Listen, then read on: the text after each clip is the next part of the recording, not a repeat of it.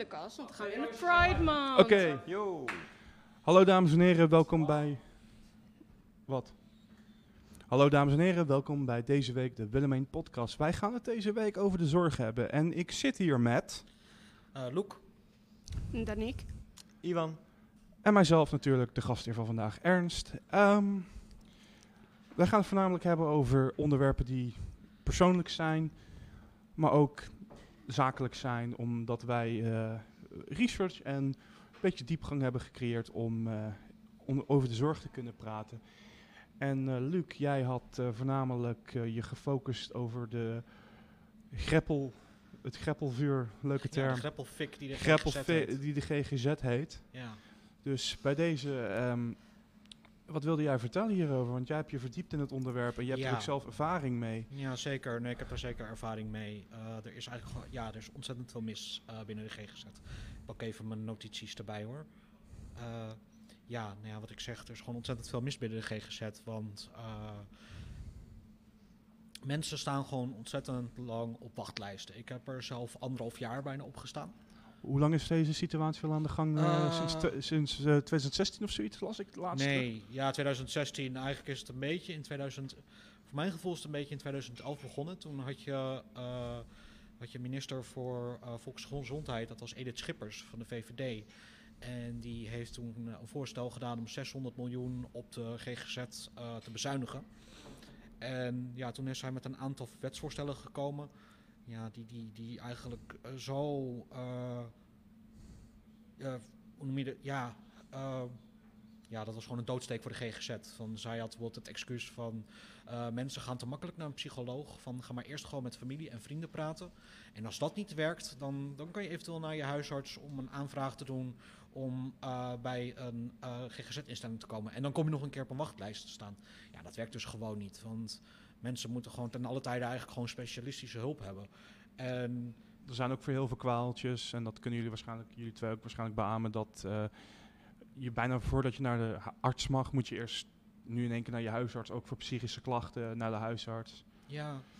Ja, ja nou, ik weet zelf dat, uh, want de GGZ is dus uiteindelijk natuurlijk naar de uh, gemeentes gestuurd. Ja. En sinds dat gaande is, dan moet je echt eerst moet je naar de huisarts, je moet dan naar een GGZ-instelling uh, voor therapie, daar krijg je je diagnose en dan pas kun je uh, het zogenaamde keukentafelgesprek met, je, uh, met de consulent van iemand uit de gemeente hebben. En dan is het ook nog maar de vraag of je de juiste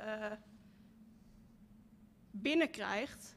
Want het is natuurlijk wel zo dat. ik word afgeleid. Als je gaat bewegen, word ik afgeleid. Nee, maar dat maakt niet uit. maar um, zoals mijn uh, GGZ-consulentie binnen uh, therapie, die geeft mij, uh, geeft mij, had mij het idee gegeven, ja, je moet beschermd gaan wonen. En vervolgens kom je bij de consulent en die zegt van, nee, we gaan je op beschut zetten. Dus die hebben eigenlijk al niet de ervaring die, in die een therapist kan hebben, maar nemen wel het besluit van waar jij dan in de zorg mag komen. Nou, dat vind ik ook zo'n raar iets, dat eigenlijk de gemeente besluit waar jij terecht mag komen. Ja. en dat heeft ook met de opleidingsniveaus. Daar kom ik dadelijk op terug uh, met mijn eigen stukje. Ja, dat, dat probleem is heel bekend. Het is van de week was er ook een programma, Brandpunt, uh, bij NPO 1 was dat. En dat ging over misdiagnoses binnen de GGZ. Want dat mensen gewoon systematisch een verkeerde diagnose krijgen. En dan ze jarenlang na elkaar. Ik heb dat ook gehad. Bij mij hebben ze iedere keer kwam een andere diagnose uit. Tot een paar jaar geleden dat ze zeiden van, nou ja, dit is het. En toen had ik zoiets van, ja, nee, dit klopt helemaal. Van, dit, is mijn, dit is de diagnose die ik al jaren geleden had moeten krijgen. Waardoor ik gewoon iedere keer de verkeerde zorg heb ontvangen. En dat komt gewoon voornamelijk door een personeelstekort. Uh, het opleidingsniveau van bepaalde hulpverleners zijn ge, uh, dat, dat, is te laag. Het is gewoon uh, mensen die niet veel van, een bepaalde, van bepaalde klachten weten, die moeten een oordeel gaan vellen. En dat moet best wel snel gebeuren, want ja, er wordt er gewoon een bepaalde tijd aan verbonden van dat iemand door die... Binnen zes weken. Ja, door die molen heen moet. En er moet er bepaald worden wat voor behandeling er krijgt. Maar ja, dat, gaat niet zo makkelijk vind sowieso überhaupt binnen uh, het hele diagnoseproces. Uh, kijk, iedereen heeft wel zijn eigen dingetje. Iedereen heeft zijn, heeft zijn, zijn eigen stukje ADD, autisme. En dat is gewoon heel normaal bij, bij, bij iedereen. Dat bedoel, dat is, ik vind sowieso, ik heb zelf ook ADD, ik heb ook een diagnose ervoor gehad. Maar alleen ik heb nooit eh, me anders gevoeld omdat ik per se een diagnose heb gekregen. Ik heb altijd, ben altijd mezelf geweest. En kijk, ik, ben al, ik kan eens maar eens in zoveel tijd eenmaal drukker zijn dan de rest. Ik kan eh, soms gek doen, maar ik kan ook bijvoorbeeld snel in, eh, in, eh, in emoties schieten. Maar dat heeft iedereen wel. En iedereen heeft dat, eh, sommigen hebben dat erger dan de anderen. En dat, ik vind sowieso, je moet elkaar respecteren voor wie je bent. En wat maakt, who cares about dat, dat, wie je, nou niet wie je bent, maar wie maakt het nou uit hoe je bent? Je bent gewoon wie je bent. En als anderen die dat niet accepteren, dan is dat degene van, het probleem van degene die dat niet accepteert. En niet jouw probleem. Want dat, je mag zijn wie je bent en Ja. bent wie je bent. En verander voor niemand als het niet, eh, als het, eh, in, zeker als het een negatief vorm is. Kijk, als je een negatief probleem hebt, praat erover. Maar je moet nooit voor iemand veranderen als jij er wel gelukkig mee bent. Nee, maar eh, dit vind ik wel heel bijzonder. Want eh, wat mij ook merkt met eh, de meeste mensen waar je dan mee die een diagnose hebben. eh, je hebt de mensen die het echt als ja, een hulpmiddeltje zien. Die denken van ja, oké, dan weet ik wat er aan de hand is. Dan weet ik wat ik eh, wat daar, als er iets misgaat, wat de reden daarvoor is. En de mensen die het ook echt als een label of een beperking noemen. En dan denken dat je er ook niet iets aan kan doen. En dat is het, het stukje waar ik dan niet mee eens ben. Het is meestal van, eh, ja, het kan je tegenzitten, maar het is niet dat je de rest van je leven ermee eh, vast gaat zitten. Nee, Ja. Nee, maar ik- wa- wa- waar ik op jullie beiden wilde aankaarten, wat jij aankaart, is ook een ding. En dat is ook binnen de GGZ zo. Kijk, ik ben wat ouder dan jou. Ik ben dubbel jouw leeftijd bijna. Jij bent 15, 16. Ja. Ik ben bijna 30. S- Onze gastdame is eh, rond de 25 en eh, jij bent... eh, ik word in juni 31. Ja, dus wij hebben die overgangsperiode meegemaakt. Dat je, Zeker. dat je stempeltje gewoon echt een stigma was. Binnen de hele GGZ en ook binnen andere zorginstellingen met autisme, met et cetera. Ik heb gewoon meegemaakt, eh, ze konden mij niet volledig plaatsen vroeger vanwege mijn autisme. Dus ik ben van school naar instelling gekaatst en dat was in Limburg. En ja, dit is niet om onze Limburgse zeikers af te luisteren, maar eh, het is nog steeds één pot nat daar qua zorg en qua opties. Maar dit, het, het, punt is, er werd gewoon, en dat doen ze nog steeds, op zekere hoogte wel minder. Omdat er gewoon al die wetsvoorstellingen, maar ook de nieuwe diagnosticeringssystemen zijn uitgekomen. Laatst het, het punt is, als je in dat zorgstelsel terechtkomt en je hebt autisme, je hebt ADHD, je hebt PDD-NOS, je hebt weet ik veel wat. eh, je hebt een stempel. En de hele hokjesmentaliteit, dat is weer, dat, merk ik tenminste, en dat zullen jullie misschien met me eens zijn, is dat als je een diagnosticering hebt, het, he- het, kunnen ook psychische klachten zijn. Hè? Ik, ik heb het even heel breed. Het is niet alleen maar autisme, et cetera. Maar ook eh, schizofrenie, eh, psychose. Het wordt in hele grote kaders, hele grote hokjes gedouwd. Het, letterlijk, to- voor, voor de bezuiniging had je nog wat gespecialiseerde vakjes. Maar nu wordt autisme onder één eh, Ja. paraplu gegooid. Ja. Heel veel psychose, psychose eh, problemen die ook verschillende categorieën hebben in ernstigheid en in eh, ja, of het mentaal of lichamelijk of een andere aandoening heeft. Het wordt allemaal een beetje onder één kam geschoren de laatste paar jaren. We zijn, Ja, weer, terug, ja. we zijn weer terug aan het keren voordat er een verduidelijkend systeem was. We hebben een soort, eh, eh, ik, ik heb het dan over begin 2000, 2004 en zo. In die periode werd het nog allemaal onder één kam geschoren. Ja. Daarnaast werd het nog een beetje beter verdeeld. En toen, waren ze, en toen vanaf 2011 Ja, 2010. Ja. eh, 2010, toen- 2011, toen de grote ja. veranderingen langzaam erin aan het kreken zijn, zijn ze weer terug in die grote lijn aan het douwen.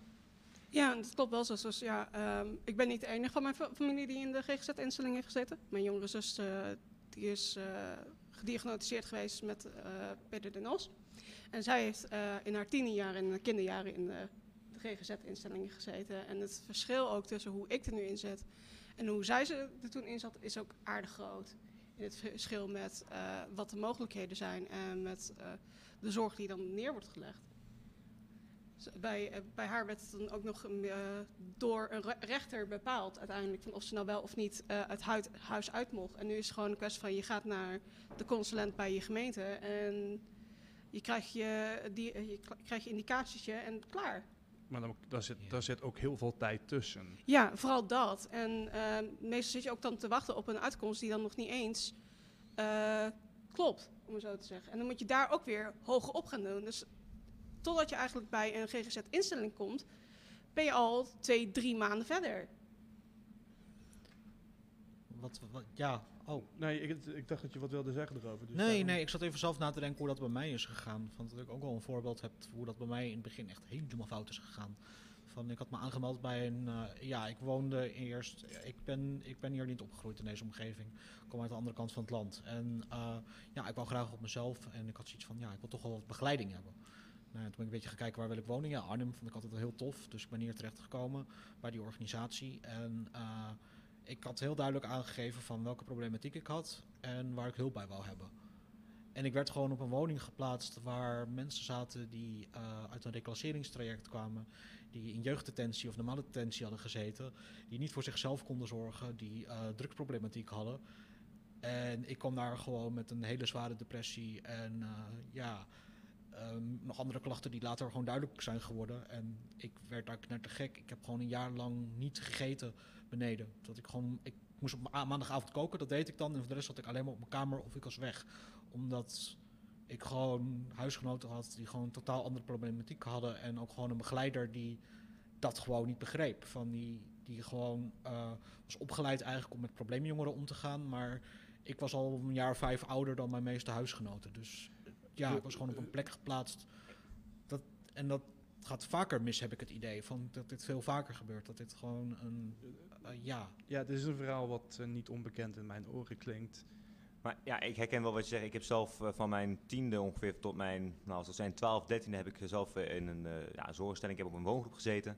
Uh, ter lichte voor. Dat, uh, ik heb er mijn beste tijd gehad, ik heb het ook niet slecht gehad, maar uh, je weet ook, ik werd er wel met respect behandeld en ook echt behandeld als mens, maar de, het was niet, je, werd niet ge, je werd niet zozeer gezien als een, uh, een probleem, je werd, meer, ja, je werd niet gezien voor wie je echt was. Ze, waren, ze konden prima, je kon prima met die gasten praten, maar ze, te, het, eindpunt, het eindpunt was eigenlijk altijd, je, je werd, je, ze deden toch hun werk. Ze, werden niet, ze, ze, ze um, gingen niet met je om alsof je echt, echt, uh, echt met ze kon praten. Je was, een nummertje, je was een nummertje tijdens kantooruren. Je was inderdaad, dat, dat, je was gewoon een nummertje. En ze deden, voerden gewoon hun werk uit. Het was niet dat je echt je was, het was nooit echt persoonlijk. Ik bedoel, ik heb, ze hebben echt veel, ik heb een goede tijd gehad. En ik heb ook echt, ik heb ook, dus ik heb wel wat wilde lichten voor, daar ook echt absoluut niet afzeiken. Echt, want het waren hele goede mensen. Maar het is niet dat ze, dat, dat ze echt, echt, ze zagen voor wie je echt was. Dus het, het was ze deden gewoon, voerden gewoon hun werk uit. En, ze deden, en natuurlijk kon je ook wat dingen bij hun kwijt, maar het was nooit echt dat je, dat je echt werd gezien als, als, als, als ja, nou, ik wil niet zeggen, zeggen gewoon als een eigen vlees moeten absoluut niet, want dat gaat ook heel ver, heel ver maar ja, het was gewoon, je, was, inderdaad, zoals je zegt, een, gewoon een, een, nummertje. En ik heb er ook veel dingen geleerd. En ik heb er mijn, mezelf ook uh, beter leren kennen. En mezelf ben ik, ik ben natuurlijk ook op mijn plaats gegaan en ook door, daar ook mezelf ook beter leren kennen. Wat zijn mijn, mijn grenzen en punten. En ja, ik heb ook voor mijn, mijn hobby's daar uitgevonden. Muziek, mijn liefde voor muziek is, daar, is daar eigenlijk echt begonnen. Dat, wat daar heb ik ook uh, ben ik ooit begonnen met drummen. Dat is, dat is echt dat iets wat ik al heel lang doe. Dus eigenlijk sinds die tijd. En dat hebben hun wel mogelijk gemaakt. Hun hebben dat wel, uh, mij de kans daarvoor gegeven om dat wel uit te vinden wie ik ben. Maar je werd nog wel te alle tijden gezien als een nummertje. Maar zoals ik jullie alle drie nu een beetje hoor, jullie voelden je gewoon onpersoonlijk behandeld en niet. Nou, kijk, het ligt er ook aan welke groep, maar uh, het, punt is, het, het, tegenwoordig specifieke zorg is gewoon heel erg lastig, want het, is gewoon heel erg uh, algemeen gemaakt. Ja, daar weet ik wel iets meer over te vertellen. Want ik, een van die bronnen die ik heb gebruikt. Uh, wat op dit moment een heel groot probleem is in Nederland. Is dat uh, juist specialistische GGZ-zorg is in hele grote regio's onderverdeeld. Dus je moet, sommige mensen moeten zelfs buiten hun provincie. Buiten hun veilige bubbel waar ze gewoon familie, vrienden hebben. Als ze in een crisis zitten, moeten ze bijvoorbeeld, als jij dan ik zeg, in Gelderland woont, dan moet je bijvoorbeeld naar Limburg of zo, of uh, Overijssel, om daar opgenomen te worden. En er is dan voor bepaalde uh, stoornissen is er gewoon minder kennis van, het is vrij nieuw uh, soms. En ja, dat is van mensen moeten gewoon veel meer in hun eigen omgeving opgevangen kunnen worden. Van dat er gewoon locaties worden gecreëerd van een lokale GGZ-instelling die iets er moet gewoon iets gefixt worden waardoor mensen gewoon makkelijker naar huis kunnen. Ik ken ook mensen die moeten gewoon de hele week uh, op zitten hebben ze therapie en dan slapen ze daar de hele week en het weekend naar huis. Omdat gewoon de afstand iedere keer gewoon te ver is. Was er ook niet uh, laatst hier in de regio ook een bepaald specifieke doelgroep huis gesloten? Daar las ik een paar weken geleden een artikeltje over. Hoenderloogroep. Ja. Ja, jeugd GGZ. Ja, en ja. die is laatst recent gesloten en heel veel ouders zaten er ook. Er, waren, er zaten jongens uit uh, Utrecht, uit Limburg in die groep. En de dat, looggroep is een hele bekende, was een hele bekende zorginstelling. ja, maar die Ja. is dus recent gesloten. Maar Specialistisch, het, het, eh, het, het, het, het probleem daarvan is dus ook het tekort aan zorgpersoneel en gespecialiseerde zorgpersoneel. Daar ga ik zo eh, wat dieper over in. Maar Ja, nou ja, ik vind het heel toevallig, want je had het over eh, de eh, specialiteiten van eh, de GGZ. En eh, dat kan ik inderdaad mee praten, want ik zit toevallig in dezelfde eh, GGZ-instelling als mijn jongere zus. En toen zij er heeft gezeten, was het echt gespecialiseerd op mensen met autisme en ADHD. En nu zitten er ook mensen die gewoon niet thuis kunnen wonen doordat ze ruzie hebben of dat ze een drankprobleem hebben. Maar onze instelling is dus heel erg veranderd naar gewoon puur ja, het idee van we kunnen mensen helpen met autisme en eh, ADHD naar ja, zolang je niet op jezelf kan wonen en niet op je thu- thuis kan wonen, kun je eigenlijk bij ons binnen. En Nee. daar kun je in ook heel erg merken dat je onderling ook heel erg moeite kan vinden met te- eh, tussen degenen die dan toch wat meer voor het eh, psychische idee daar zitten en de mensen die daar gewoon zitten omdat ze eh, geen goede relatie hebben met hun ouders of dat ze een drankprobleem Je hebben. hebt dan gewoon, eh, ja, wat bewoners, zal ik zo gewoon echt bewoners noemen? Bewoners die gewoon continu in een staat van overprikkeling zijn. En die nog verder afzakken daarin. Want dat had ik dus ook. Van, ik had iemand naast me zitten die kon niet voor zichzelf zorgen. En dat was echt heel erg heftig. Dat, daar, daar eh, kan ik ook over meepraten hoor. Ja, dat, dat, dat, en gewoon, ja, dat, dat werkt absoluut niet goed voor jouw herstel. Van, je gaat er gewoon meer van achteruit dan dat je vooruit gaat. En uiteindelijk ben ik uit pure ellende ben ik maar gewoon eh, bij een huisjesmelker in Arnhem gaan wonen. Gewoon om daar weg te kunnen zijn. En dat ik dan vanuit die organisatie dan maar ambulante begeleiding kreeg. Zolang ik daar maar gewoon, ja. Ik, was- ik, weet, ik, ik weet precies hoe je voelt. ehm, om mijn situatie even kort bij te schetsen. Ik ben met mijn achttiende het huis uitgezet door een uh, neuroot van de vader. En ik ben op een dakloze jongerenopvang terechtgekomen. Heb ik in een half jaar gezeten en dan werd je niet goed geholpen. Nee. Ik was, daar zitten drugsverslaafden, daar zitten jongens die uh, thuis problemen hebben. Dus ik sloop me daar, precies wat jij net beschreef, ook gewoon op mijn kamer op. Omdat het, het eten was daar niet te vreten. Ik nam gewoon een brood tijdens de lunch met naar boven een pot pindakaas op mijn kamer. Dat ik tenminste iets fatsoenlijks te eten kreeg dan uh, van die voorgeschotelde vieze maaltijden. Maar dat is een voorbijzaak. uh, in, in dat pand was drugs. Laten we het zo zeggen, ik heb er gewoon echt letterlijk een half jaar gezeten. En na een half jaar trok ik het gewoon echt niet meer. Ik ben niet het type wat snel emotioneel huilt. Maar ik ben bij een van die begeleiders, de begeleidsters daar gewoon echt. Uh, dat was Sanne, heel lieve meid. Die deed alles voor ons. En dan ben ik gewoon ineengezakt. Ik zei, luister, ik moet hier weg. Ik trek er niet meer. Ik word hier gek. En toen hebben ze mij, en dit is allemaal tien jaar terug of zo, meer zelfs. Dan heb ik het over 2010, 2011. Uh, toen ben ik naar een 24 uursgroep gezet waar ze mij zouden ondersteunen en helpen naar uh, zelfstandigheid. Nou, laten we het zeggen, ik had een rood uh, chaot van een begeleidster. Die maakte dossiers van mij kwijt, terwijl ik al veel eerder meuk had aan kunnen vragen.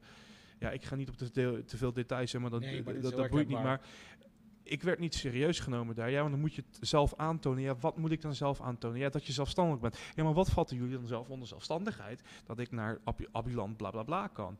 Vanuit dat ik daar. Ik, ik kon al veel eerder uit die groep wegstappen, maar ik had geen andere opties. Dus hetzelfde wat jij hebt gedaan. Ik ben ook buiten mijn regio gaan zoeken. Ik ben naar Rotterdam geweest, ik ben naar Breda geweest, ik ben naar Eindhoven geweest, ik ben naar Utrecht geweest, ik ben naar Amsterdam geweest, ik ben naar Zwolle geweest. Ook naar Arnhem en naar Nijmegen. En Arnhem was de eerste optie die ik kreeg. Ik werd letterlijk gebeld door toen de tijd een. Uh, die werkt nu nog steeds voor het, R, voor het RIBW hier. En die zei, we hebben een kamer voor je, wil je komen kijken? Ik heb gelijk ja gezegd, de eerste de beste trein gepakt. En ik had dan mijn eigen badkamer, mijn eigen keuken, lekker rustig. Ik wil niet zeggen dat die groep, waar, die zelfstandige woongroep waar ik toen terecht kwam, geweldig was. Nee. Want alles duurde daar ook lang. Maar ik was binnen een, het, laten we zeggen, het, jaar dat, het eerste jaar dat ik daar kwam, hier werd ik meer serieus genomen dan, dat ik in Limburg serieus genomen werd. Ik kon gewoon naar de Braanberg om over mijn depressie, andere meuk, andere problematiek praten. Ik werd serieus genomen. Ik wil niet zeggen dat het helemaal perfect ging, maar het ging gewoon 30, 40 keer beter dan in Limburg. Ik werd hier serieus genomen. Uh, op een gegeven moment was mijn PB'er met mij klaar omdat zij me niet verder kon helpen. Dus kreeg ik een andere PB'er.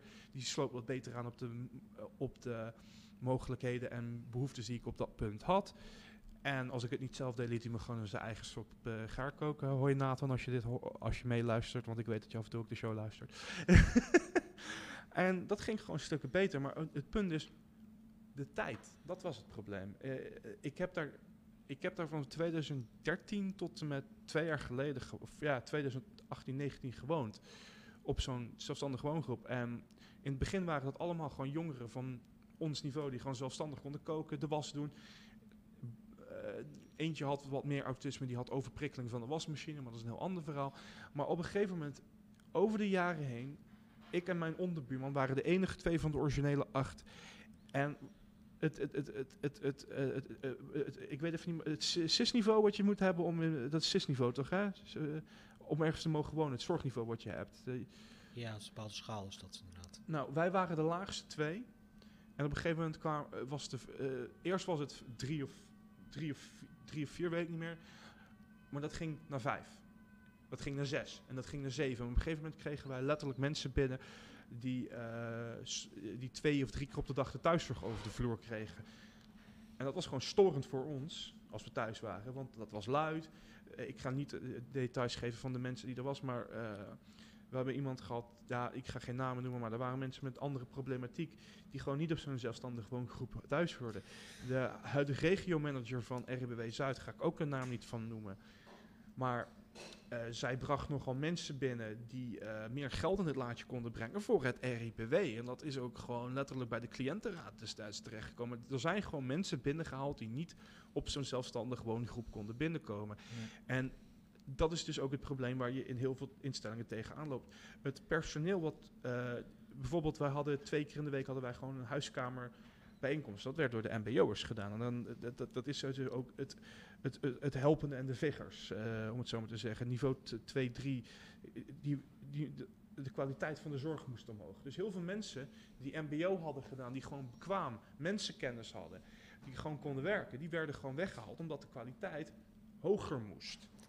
Nou, hier wil ik zo nog wel wat over vertellen. Ja, maar dat- ik denk dat- dat daar straks al Dat, dat, dus de, MB, de MBO'ers werd een beetje aan de kant geschoven en het werd verplicht naar de HBO'ers opgeschoven. Dus de kwaliteit en zorg nam ook toe, want HBO'ers, ja, die hebben gewoon een heel ander, die, die zijn gewoon anders voorbereid dan de MBO'ers op de zorg. Dat wil niet zeggen dat er dat een van de twee slecht is, maar het is gewoon de ondersteunende medewerkers, die moesten in één keer andere opleidingen gaan doen. Er werden mensen weggehaald.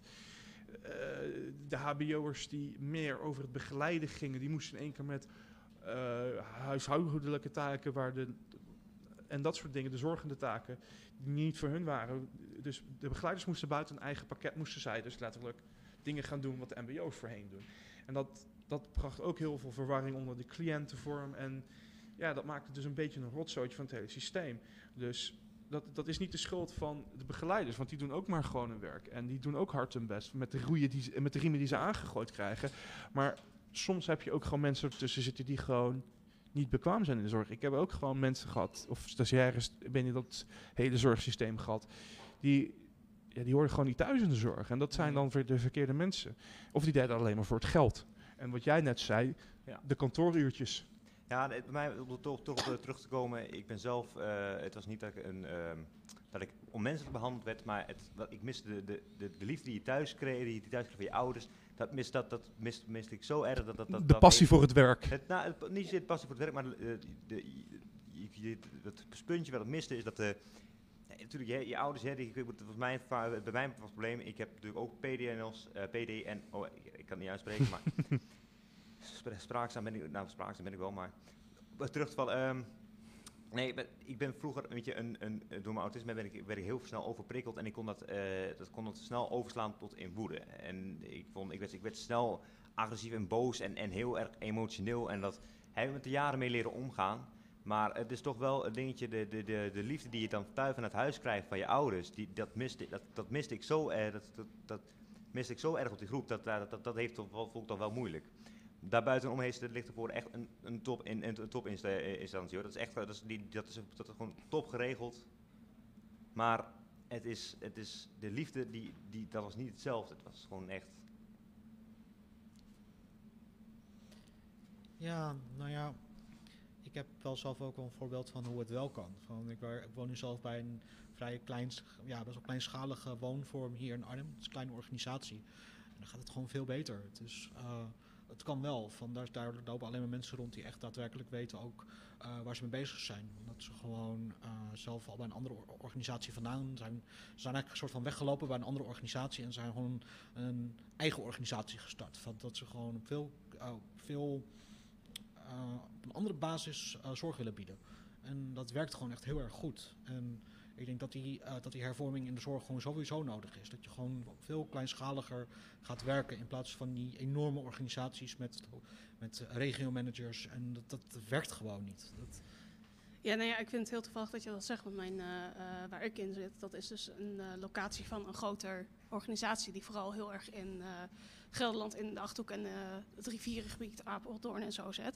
ja. En wat wij heel erg merken is dat, zoals de begeleiders willen heel veel, die willen heel erg helpen. En dat, zijn e- echt, dat is ook wat onze locatie heel erg goed maakt. De begeleiders die zijn heel erg determined om je te helpen. Maar meestal wat je dan te horen krijgt is dan, ja, we mogen iets niet vanwege het hoofdkantoor. Het hoofdkantoor dit, hoofdkantoor dit. eh, het budget is er niet, we kunnen het niet doen, we mogen het niet doen. En dan is het gewoon heel eh, jammer om te horen dat je eh, eigenlijk de instelling zelf die wil heel erg met je meedenken en helpen. Maar dan is het het hoofdkantoor die dan zegt: ja, maar we zitten met inkomen en het mag niet en dit kan niet.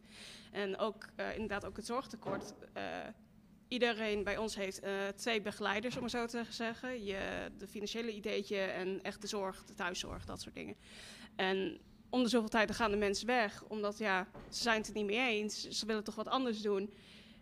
Maar je ziet wel dat je dan om de zoveel tijd weer een nieuwe begeleider hebt. En dat is voor cliënt zijn is het ook heel vervelend, want je moet weer helemaal opnieuw je verhaal kwijt. Eh, of een, toch weer een band ermee zorgen. Kijk, als het iemand is die jou kent, heel mooi en aardig. Maar soms krijg je ook mensen binnen dat je denkt van... ja, maar ik heb geen zin om weer voor de zoveelste keer mijn verhaal aan jou te vertellen. Nee, tegenwoordig moet je dus eh, om het half jaar met je wijkteam, wat, voor, wat eh, nog een paar jaar terug was het gewoon, hoefde je maar één keer in het jaar een gesprek te voeren om een eh, ik, ik, ik, ik- licentie, om het maar zo te Ja. noemen, te krijgen voor het aantal, ja, dat, indicatie voor aantal uren zorg. Zorgindicatie. Ja. Zorgindicatie, voor een jaar kon je het ook krijgen. Nu is dat echt heel streng, ieder half jaar. Ja. En dan moet je ook een maand van tevoren aanvragen, want als je dat een week of twee te laat doet, dan, val, dan vallen die uren daartussendoor ook gewoon weg. Die situatie heb ik ook gewoon gezien. Dat zijn gewoon omdat, omdat dat de regels zijn vanuit hoofdkantoren of reglementen vanuit organisaties. En dat moet gewoon streng gevolgd worden. Ja. Eh, dat is ook een van de problemen waar heel veel zorgenden, dus he- heel veel mensen in de zorg tegenaan lopen van verpleegkundigen tot aan begeleiders. Die zijn meer bezig met rapporteren en dingetjes inmaken dan daadwerkelijk de tijd kunnen spenderen aan de mensen. Ja. Want wat jij ook beschrijft, ik heb zat begeleiders ontmoet die echt passie en liefde hebben voor hun medemensen en echt willen helpen, maar tegen drie muren aanlopen. Wat is, hoofdkantoor zegt dat dit niet mag. Het x aantal uren wat je met een cliënt of patiënt, of hoe je het ook noemt binnen zo'n organisatie kan doorbrengen. En het rapporteren, rapporteren, rapporteren, rapporteren, rapporteren. Dat is gewoon, er moet tegenwoordig zo'n lange papierbaan zijn dat je letterlijk kan zien wie er op dinsdagmiddag 25 juni 1998 een drol in de wc op de derde verdieping heeft gelegd. Ik moet, ook- Ja, dat moet- is wel zo. Eh, bij ons hebben ze dan wel, je mag geen namen in de rapportages meer noemen. Of tenminste als er een medecliënt is. Zoals als je een rapportage van ons eh, dan terugleest, dan zie je wel je eigen naam. Als je dan bijvoorbeeld die buurman op de vloer hebt gehad. Dus dat is een, de naam er niet in, maar dan krijg je gewoon een nummertje. En dat is ook zo raar gevoeld dat je toch denkt, ja, Maar, maar we hebben nu al een, eh, een, een, een klein tijdje gehad over het hoe. Maar ik wil toch een beetje gaan veranderen naar het waarom. Hoe is het zo gekomen? Ik heb, eh, net als jij Luc, hebben wij wat voorbereidingswerk gedaan en even onderzoek gedaan naar ja, hoe dit allemaal zo is gekomen. Bijvoorbeeld een van de dingen wat je ook merkt in de media, en dat is ook iets waar, waar heel veel mensen zich in de zorg aan ergeren, tenminste. Ehm, bijvoorbeeld mijn tante werkt in de thuiszorg en die merkt het ook heel erg. Eh, en een vriendin van mij, die, eh, die ook, waar ik ook dit voor als voorbereiding met deze podcast, die werkt in de verpleegkunde, ook gewoon uitgebreid mee heb zitten praten. Hoi Anouk. Daar heb ik gewoon ook uitgebreid mee zitten praten. En bijvoorbeeld een van de dingen die je ook merkt in de media is voornamelijk dat ziekenhuizen krijgen meestal eh, de spotlight over het aantal nummers, het aantal dokters en bla en bla en bla en bla. Maar er zijn ook andere zorgsectors als revalidatiezorg, ouderenzorg, jeugdzorg, gehandicaptenzorg, psychische zorg. eh, en dat, dat, dat, dat schiet ook alles in tekort. Dus eh, wat de media voornamelijk covert zijn de ziekenhuizen. En als je, dat, als je echt gaat terugkijken op websites van de la- het nieuws van de laatste drie, vier jaar, dat heb ik ook Mhm. gewoon gedaan, is het meestal ziekenhuis dit, ziekenhuis dat, ziekenhuis zus, bezuiniging in ziekenhuis eh, Westerland, ziekenhuis verdwijnt. Ik, hoor, ik hoorde zelf nog gisteren op de radio, ik zat eh, met mijn moeder in de auto onderweg terug naar huis. En ik hoorde inderdaad dat er een, vanuit het kabinet, of vanuit de politiek eh, was een dingetje.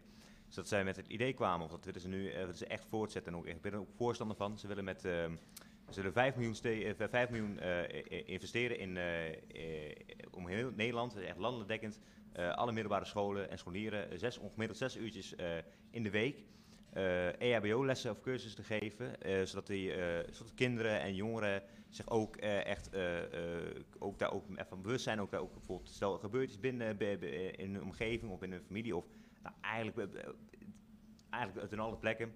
Dat ze ook weten dat ze ook te, hulp kunnen schieten en dat ze ook weten hoe ze moeten reageren. En ik ben er dus zelf zo'n voorstander van, want het is, ook- er is ook gebleken als we gaan kijken. Als we die 5 miljoen investeren in, in dit plan, dan bezuinigen ze eh, gemiddeld 270 miljoen eh, binnen, binnen de zorg. Ja, maar dat is eh, een beetje water bij de wijn doen, om het zo maar te zeggen. Dat is een beetje een pleistertje plakken. Kijk, ik vind het juist, wat je zegt, het initiatief is mooi. Dat meer jongeren eh EHBO kunnen, eh, beter opletten op een medemens, et cetera. Maar dit, dit zijn ook dingen waar ook, en dat is ook waar ik nu eventjes op aankaart, is... ehm, het is leuk, maar het zorgpersoneel is alsnog overbelast in, in de realiteit. Bijvoorbeeld, eh, om, om een voorbeeld te geven, de salarissen reflecteren niet de realiteit van wat, eh, wat de verpleegkundigen meestal krijgen.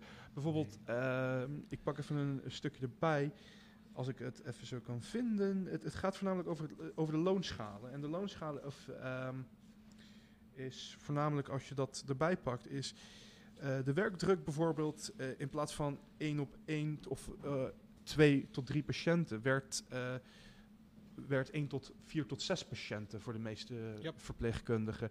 Eh, bijvoorbeeld als voorbeeld, dat is te veel. Je komt, niet, je komt niet aan de zorg die je eigenlijk wilt leveren, dus je moet gehaast te werk gaan. Ja, het wordt veel onpersoonlijker. Precies. Ja. En, dat kan, en dat kan ook gevaarlijk zijn. Bijvoorbeeld het salaris heeft jarenlang stilgestaan, is niet verhoogd. Waardoor we, eh, waardoor we nu heel, ja, waardoor heel veel zorgmedewerkers wel blij zijn met de verhoging. Ehm, dat heb ik even tussen haakjes gezet. CAO ZH schaal 45 treden eh 2 dubbele punt 16 per uur. Maar eigenlijk zou bijvoorbeeld eh, degene waarmee ik gepraat heb, die vriendin van mij, zou dat eigenlijk 18 uur tot 20 euro per uur moeten zijn. En dat krijgt ze nu alleen maar als ze nachtdiensten draait. En ik weet dat zij tig veel nachtdiensten draait om die 20 euro te vangen. Dus ehm, het, het, het, het, is gewoon een beetje een, ja, dankzij die bezuinigingen. eh, daar hebben we het net ook over gehad. Met minder personeel wel hetzelfde werk blijven doen, kan ja, dan neemt de zorgzwaarte gewoon toe. En de zorgvraag wordt dan complexer. En dan creëer je dus gewoon een systeem eh, waar, ja, waar ze minder in kunnen doen. Terwijl ze juist meer moeten kunnen doen. Maar dat kunnen ze gewoon niet. Ze zitten gewoon vast. Eh, dus eh, het is ook gewoon een kwestie van eh, bijvoorbeeld toen de niveau 2 en 3, 4, of sorry, de niveau 2 en 3 helpende en VIG'ers, of VIG, ik noem het gewoon even VIG'ers, omdat het makkelijker is. Ik zeg het waarschijnlijk verkeerd. Die moesten er toen uit, want de kwaliteit van de zorg, dat zei ik net ook al, moest omhoog. En daar werd zo op bezuinigd dat activiteitenbegeleiders, et cetera, ook eruit kosten. Eh, of ervaringsdeskundigen ook, die werden er allemaal uitgejast toen de tijd. Dus dat is bijvoorbeeld ook een ding. Eh, bijvoorbeeld eh, met de introductie van BIG 2, eh, de, func- de functiedifferenties tussen bijvoorbeeld MBO, VPK. Jij neemt, ik weet niet dat jij weet wat VPK betekent. Ah, verpleegkundige. Ja, precies. En HBO-VPK, dus HBO-verpleegkundigen.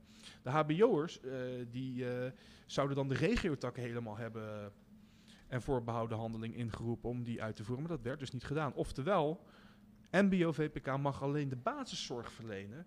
Dus die, eh, die, die mogen alleen maar basisdingetjes doen. Terwijl eh, ook als je oud en grijs bent en het al 40 jaar doet en intern bent opgeleid, mag je dat dus niet meer. En de HBO-VPK zou dan, eh, ja, omdat zij dus meer mogen, betere zorg leveren. Maar mijn tante die werkt al tig jaar in de thuiszorg. Ik weet even niet meer of ze MBO of HBO heeft gedaan, maar zij mag bepaalde dingen ook niet als HBO, want dat moet haar dan, wat jij net ook zei, dat mag niet van het hoofdkantoor. Dus het, het- wat, wat, wat het resulteert is, je, je, je kokt net het HBO-verpleegkundige opleidingen met directe afleiding gaan runnen en vertellen hoe het moet, terwijl de oude rot in het vak rondlopen met tien keer de kennis en ervaring. Ja, ik vind sowieso dat eh, tegenwoordig is heel erg het MBO, HBO eh, verhoogd. Van dat je toch vanuit gaat van ja, we hebben de HBO voor nodig. Terwijl MBO'ers, eh, ja, op papier staan ze misschien eh, lager, Lager. Maar dat betekent niet dat ze niet dezelfde kennis hebben. Ehm, dus ik doe nu zelf MBO niveau 3, omdat mijn eh, ADHD heeft ook invloed gehad op mijn studies. Maar ik eh, ben qua niveau, kan ik HBO of MBO 4 doen. Maar dat betekent dus niet dat ik gewoon niet het niveau kan halen. Maar op papier ben ik gewoon lager ingenomen. Maar ja, om dan ook even aan te kaarten, wat, wat deze pandemie er dan ook bij drukt, is dat eh, het benadrukt dat de zorg gewoon niet lekker, niet sexy in elkaar zit. En het er eigenlijk ook niet toe doet voor de grote eh, bovenkamers, om het zo maar te zeggen. Ja, Luc, Ja, nou daar is wel een goed voorbeeld van. ga je gang. Eh, ja, ik, dit is echt, hier kan ik echt zo pisnijdig worden. Van, eh, binnen de VVD is nu een discussie of eh, zorgpersoneel een eenmalige eh, bonus zou krijgen van 250 euro of 500 euro. Maar ondertussen is er rond de 50, 60 miljoen naar eh, buitenlandse investeerders gegaan vanuit het corona-steunpakket. Want dat zou dan weer een aantrekkende kracht hebben. Maar ik heb zoiets van die mensen die lopen zich helemaal kapot. Sommigen die zitten gewoon ziek thuis omdat ze het niet meer aankunnen. En het is gewoon een systematische onderwaardering voor zorgmedewerkers. Van ze roepen wel van, oh, klappen voor de zorg. Maar ondertussen, die mensen krijgen geen loonsverhoging. Het zijn uren die nergens op slaan. En ja, dit, dat is ook weer zo'n voorbeeld. Van, het, het, klopt van geen kant. En ze hebben al heel lang geen loonsverhoging meer gehad. Of gewoon het loon van klopt niet met het werk wat je doet. En Ja, nee, maar dat is dus de wet Big, eh, Bi- eh, Ja. Big 2 was een steek onder het water voor heel veel zorgpersoneel. En gaf ook verdeling in het zorgberoep tussen HBO'ers, MBO'ers en andere groeperingen. En er was geen waardering. Dat is ook een probleem. Gewoon geen waardering. Want het punt is, je kan heel veel zeggen, maar als we, als we Nederland even met een lichaam vergelijken. Wat is de zorg binnen het Nederlandse stromend lichaam? Wat doet de zorg? Ja, Het dat is gewoon het hart van Nederland. eh, laten we heel eerlijk zijn. het, het is het hart, daardoor functioneert het. En Het zorgende hart wat, en witte bloedlichaampjes. Ja. Dat ook. Maar ja, kijk, weet je, want het is ook toevallig. eh, dan gaan we weer even terug naar het GGZ-idee. Maar eh, ik merk ook dat, eh, zoals de afgelopen pandemie, die heeft ook ontzettend veel invloed binnen eh, de GGZ-instellingen. In die zin van, eh, zodra iemand verkouden is, dan moeten ze zich vanuit het, vanuit het hoofdkantoor laten eh, testen. Maar dan zijn ze volgens wel drie tot een week zijn ze niet meer aanwezig. Nee. En dat heeft ook zoveel invloed. Nee, ga door, ga Ja. door. Nee, oké, maar dat heeft zoveel invloed op eh, ook de zorg die je krijgt. Dus wij zitten nu ook van. eh, in mijn eh, instelling hadden we voor de corona had je altijd eh, de gezamenlijke momenten met de hele groep. Dan kon je koffie samen doen, dat soort dingetjes. En dat hebben ze afgezet. En ondertussen is gewoon de helft van de pand is verhuisd. En je weet nu eigenlijk niet wie je buren zijn. Maar je mag er ook niet langs, want oh nee, corona. Ik vind het zelf ook om aan te geven, zoals jij ook eerder in de podcast aangaf, als het inderdaad in de, media over zorg gaat, heeft het altijd, gaat het altijd met, in, in de, vooral in, de, in het kopje, ziekenhuis, nou, huppelepup. Maar ik vind ook zeker dat, eh, wat altijd, dat, dat, dat, dat eh, voor, het is nu steeds meer eigenlijk de non-tijden, sinds de coronaperiode, hè, sinds de crisis eigenlijk eh, begonnen is, gaat het alleen maar voorrang op coronapatiënten. Terwijl er ook bijvoorbeeld inderdaad mensen natuurlijk met ook hevige ziektes, hè, dus bijvoorbeeld ziektes als kanker, maar ook mensen zoals hartpatiënten, die, die, die, die hebben het ook zwaar. Ik bedoel, die mensen, die, die, mensen krijgen bijvoorbeeld mensen met, eh, die een, ehm, een hartoperatie nodig hebben, die, die worden, dat wordt, gewoon- is gewoon letterlijk ook in het nieuws gezegd, goh, die, moet, die, worden, gewoon- die worden gewoon uitgesteld en die worden gewoon eh, in de wacht gezet, omdat die mensen op corona voor, eh, gewoon eh, voorrang krijgen. Dus ik denk van, ja, maar dat, dat, ik bedoel, zoals we allemaal weten, kijk, corona is een, is een, is een nieuw virus. Dus er, er zijn zoveel soorten griepen. Nou, een nieuw virus is ook al twee jaar oud. Ja, het, ja nieuw, het, is maar, het is een virus waar wij, waar wij nog niet eer, echt eer mee te maken hebben gehad. Dat is een virus dat, dat ja, dat, dat is, daar moeten wij nog mee leren omgaan. We moeten weten, wat, wat moeten wij hier tegen doen, hoe moeten wij mee omgaan. En ik vind gewoon dat, dat sowieso in binnen de hele, de hele zorg, vind ik dat eh, alles sowieso eh, eh, een gelijke kans moet krijgen. En zeker mensen die ook echt, veel de hartpatiënten, die moeten, ik vind, ik vind niet dat je dat kan maken, dat, dat, je hun, dat je hun, hun, nou, Om, om, om, om samen te vatten wat jij hebt geprobeerd te zeggen, is de, de pandemie laat gewoon zien hoe groot de gaten in de zorg zi- zijn. Omdat er nu in één keer, er is gewoon geen wiggelruimte, er is gewoon geen extra ruimte. Als er gelijk iets anders tussendoor komt, vervalt het hele systeem. Ja, Maar niet alleen op, maar ja, om toch om, verhaal af te maken, niet alleen op eh, lichamelijk gebied en lichamelijke problemen binnen de zorg van, een Nee, patiënt. maar ook op is, geestelijke. is, waar, waar zit het gaat, maar ook op, op inderdaad geestelijk, inderdaad, hoe, hoeveel mensen, voor- vooral jongeren ook, eh, wat, dat, lijden nu echt zo erg onder depressie en, en, zo, en zijn zo, wat ze, wat, ja, je bent jong natuurlijk en als je jong bent dan ben je, dan ben je- ben je actief en dan, dan wil je met je vrienden afspreken, je wilt natuurlijk uitgaan en dat is, wat dat, dat, daar is je jeugd voor. Je jeugd is dat je gewoon, dat je moet, je moet, je moet jezelf ontdekken en ja, ik, Niet, vrij zijn en je, en niet alleen de jeugd hoor, wij ook mensen. Zeker, Ouderen ook. zeker, ook oudere mensen, maar ook, en, ook, en ook mensen van Iedereen 40, wil dat. 50, maakt niet uit. Maar vooral jongeren krijgen, krijgen hebben dus nu voor echt een stomp in de maag.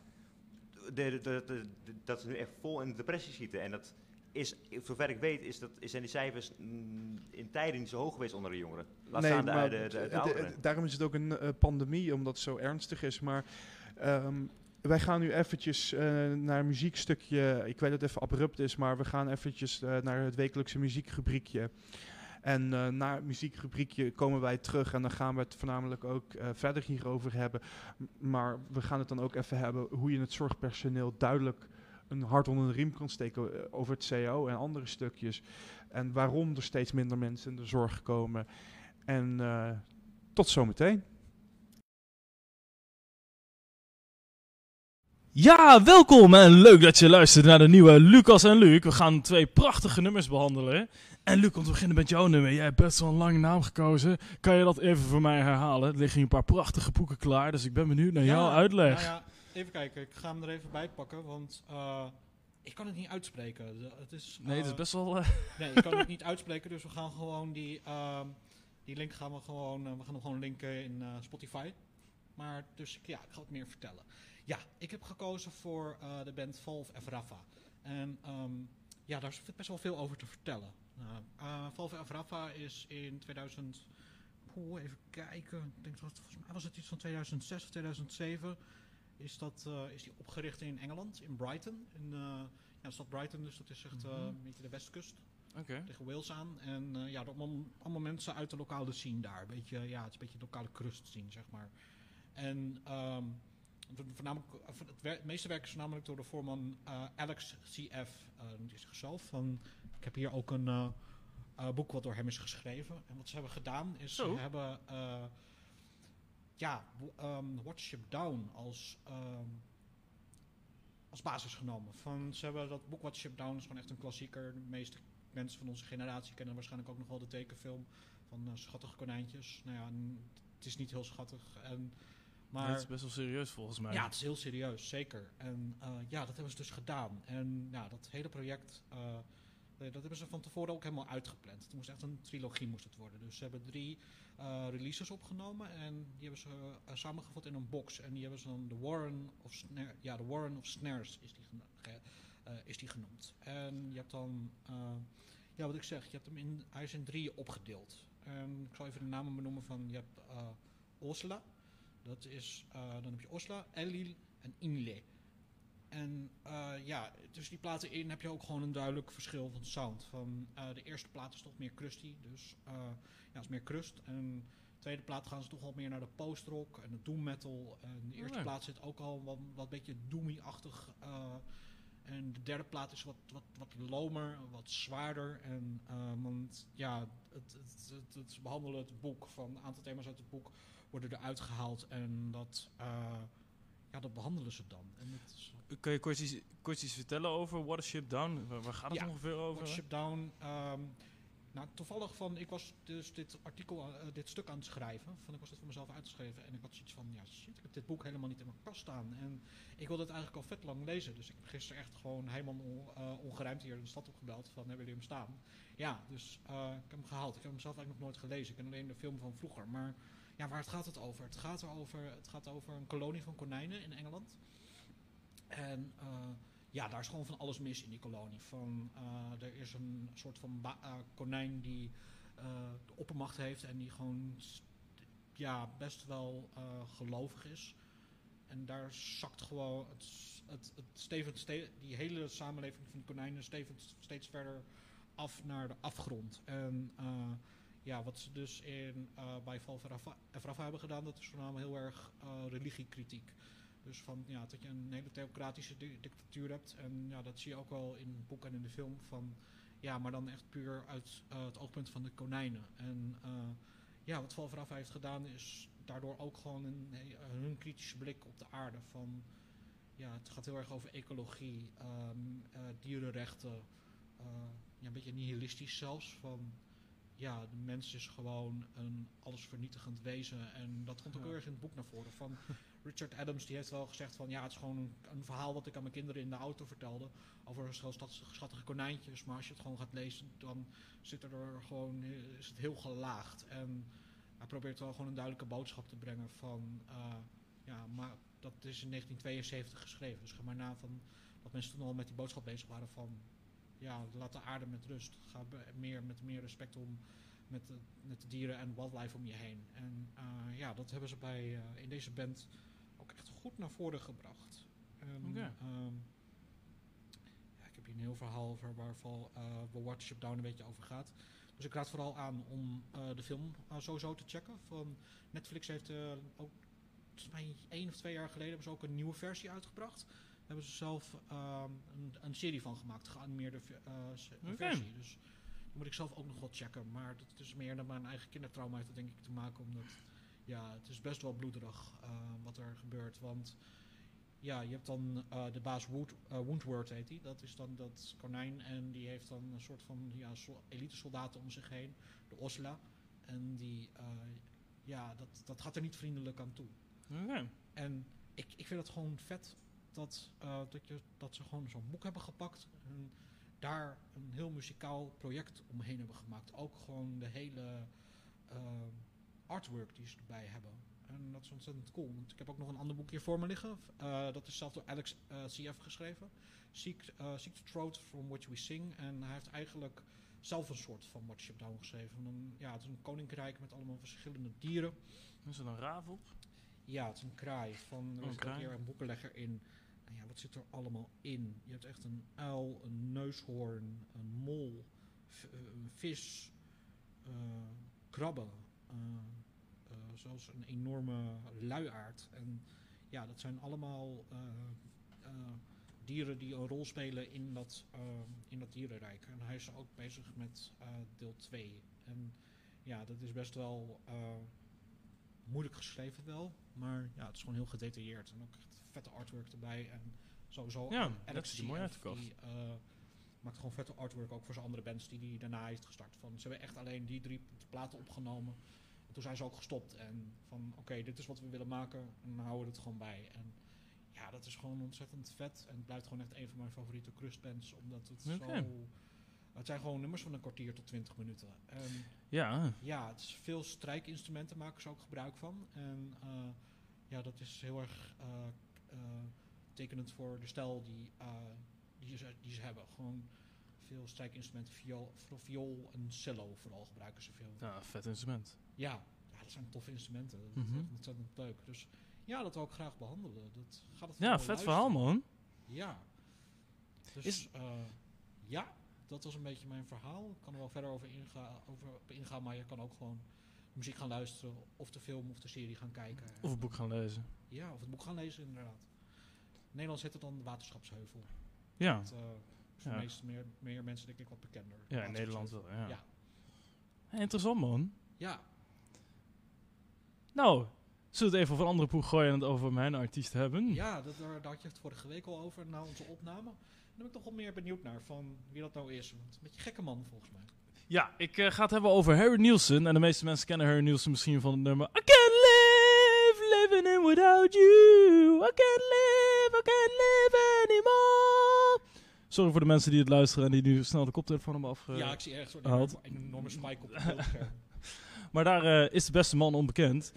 Maar Harry Nielsen heeft eh, nog veel meer muziek gemaakt. En die is, eh, hij is begonnen met muziek maken in eh, eind jaren 60. Hij is geboren in 1949. Harry Nielsen was een, eh, ja, hij werkte bij een bank. Alleen hij vond het ook leuk om, eh, om muziek te maken. En hij is toen eh, uiteindelijk bij een, bij, ja, een- kleine studio is hij toen naartoe geweest om zijn muziek te laten horen. En toen dachten die studiemensen van, wow, wat is dit? Dit is hele mooie muziek. En toen, is hij, ehm, toen heeft hij een album opgenomen.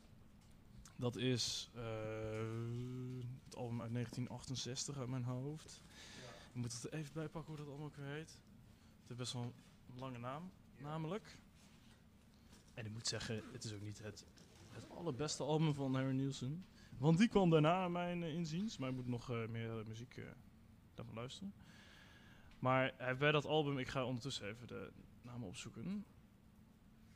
Bij dat album coverde hij ook nummers van de Beatles, want hij was groot fan van de Beatles. Ja, En het interessante is dat eh, de Beatles het heel erg cool vonden hoe hij zijn eh, nummers coverde. Ja, ondertussen denk je met van ja, er, eh, hè, we hebben de podcast opnemen, we kunnen gewoon tussendoor bellen. Dus ik hoop dat u mij nog steeds verstaan heeft, maar ik denk het wel aangezien ik voor een microfoon zit. ja. Nou, stond ik dan even iemand in de achtergrond eh, te bellen. Maar dat is op zich niet erg. Nee. En het leuke is dat. ehm, even kijken. Ah, het, het, het album heet Pandemonium Shadow Show. Ja, het is wel grappig. eh Harry Nielsen maakte bijvoorbeeld ook. eh, hij heeft ook musicals gemaakt en meegeschreven. Hij heeft ook een eh, musical dat heet The Point. En dat gaat dan over, over een, ja, een soort community waar iedereen een, een punt heeft op zijn hoofd. Alleen dan wordt, en dan wordt opeens een kind geboren en die heeft gewoon een rond hoofd. En daar gaat het over. En dat is best wel. ja, ik kan niet. Dat is best wel een leuke. ook Ja. heeft hij ook een album over gemaakt, maar dat is ook best wel een interessante. Ja, maar er was Kijk. iets eh, aan die man wat, wel, wat ik zelf heel erg interessant vond. Kan je daar wat meer over vertellen? Ja, nou, die, die man was dus heel erg fan van de, van de Beatles. En hij raakte later ook bevriend met eh, mensen van de Beatles. Maar hij was ook best wel onzeker en hij durfde daardoor nooit live op te treden. Ondertussen heeft deze beste man wel 17 albums gemaakt. Maar hij heeft nooit, hij heeft nooit, Nooit dat- live hij heeft nooit live eh, dat laten zien. Ja, Dit, het interessante was dat heel veel mensen vroegen, weet je wel, nou kom je nummers doen. En hij is, bekend, hij is trouwens bekend geworden met het nummer eh, Everybody's Talking van de film Midnight Cowboy uit 1969 of 68. Ja. Daar is hij toen mee bekend geworden. Hij heeft daarna ook zijn album eh, Ariel eh, Ballet uitgebracht. En dat vind ik echt een, het vetste album denk ik, van Harry Nielsen. Die klopt het meeste. En um, uh, Harry Nielsen is gekenmerkt omdat hij vaak bij zijn nummers ook een beetje ja, loopt te sketten of zo. Dan doet hij wow, wow, wow, wow, of da, da, da, da, da, da, da, da, da. En dat soort dingen loopt hij heel vaak te doen. Dat is wel grappig. Ja. Maar hij heeft dus nooit live opgetreden. Maar hij werd wel veel gevraagd om, ehm, ja, om op te gaan treden, maar dat durfde hij niet. Zijn eh, ex-vrouw heeft hem ook benoemd als een van de meest onzekere mensen die ze ooit gekend heeft. Ja, dat is wel Ehm, bijzonder. Van, dat je dan... eh nou, dan ga je denk ik zo vertellen dat hij heel goed bevriend was met John Lennon. En Mhm. grote Beatles-fan. En echt 17 platen gemaakt. Maar dan zo onzeker zijn dat je niet durft op een podium durft te staan. En je muziek gewoon live te spelen. Dat, dat, Ja. ja. Ja, dat is wel interessant. Want hij is wel een keer, eh, de BBC heeft hem toen gevraagd om eh, op te treden in een soort studio. En dat heeft hij toen wel gedaan. En omdat hij dan helemaal de eigen controle had, omdat het gewoon op film werd opgenomen en hij niet echt een publiek had, ging hij toen helemaal los. En dat schijnt ook een hele vette concertregistratie te zijn, of een van de weinige ook van Harry Nielsen. Ja. Maar ondertussen heeft hij veel vette albums gemaakt. In de jaren 70 bracht hij door, of brak hij door met het album ehm Nielsen Smielsen. Heel grappig hoesje overigens, want dan staat hij in zijn badjas. Zo'n beetje moeilijk kijkend. En de, de, de achterkant van het hoesje zie je een koelkast die open staat. Erg leuk hoesje, maar daar staat een grote hit, hit op van eh, I Can't Live Without You. Ehm, en daar staan nog meerdere hits op. En dat album is in 1971 uitgekomen. En dat was toen ook het RCA-album van het jaar. En dan zou je misschien denken, RCA, wat is dat? Maar RCA was in de jaren 70 vooral een heel groot eh, label van muziek. Bijvoorbeeld Ja. Elvis bracht daar zijn albums op uit, maar veel andere artiesten ook. Echt een. Lou Reed bijvoorbeeld ook. Echt, eh, Dave Bowie. Echt heel veel gasten brachten muziek uit op RCA. Dus dat was best wel een statement om 1971 dan het album Ja, van het het jaar te een beetje een soort van Universal van die tijd. Eh, Ja, ja, waar echt alle grote artiesten gewoon een plaat op uitbrengen. En, RCA is eh, echt een heel groot ja. label. Je had dan ook bijvoorbeeld Columbia, die bestaat ook nog steeds. Nu heeft het allemaal Legacy dat volgens mij overgenomen. En Sony hebben dat allemaal opgekocht. Maar vroeger had je, Ja. had je dan Columbia als heel groot label. Daar Ja. bracht eh, Bob Dylan bijvoorbeeld zijn platen op uit. En, eh en Miles Davis of, ook. En je had dan eh, RCA, dat was ook echt een vet groot eh, label. En je had natuurlijk ook andere labels. Bijvoorbeeld van de Beatles was het Apple label. Maar dat is echt best een klein label. Behalve dat ze dan eh, shit van de Beatles uitbracht. Ehm, even kijken. Voordat ik hierop eh, doordraaf. Nou ja, hij, is, hij heeft toen het album van het jaar is dat geworden. Maar ondertussen ging het met Harry Nielsen niet zo goed. Want hij, had, eh, had, hij lag in scheiding met zijn, eh, met zijn vrouw. En hij ging daardoor ook ehm, ja, veel drinken en wat, ja, gewoon wat slechter leven.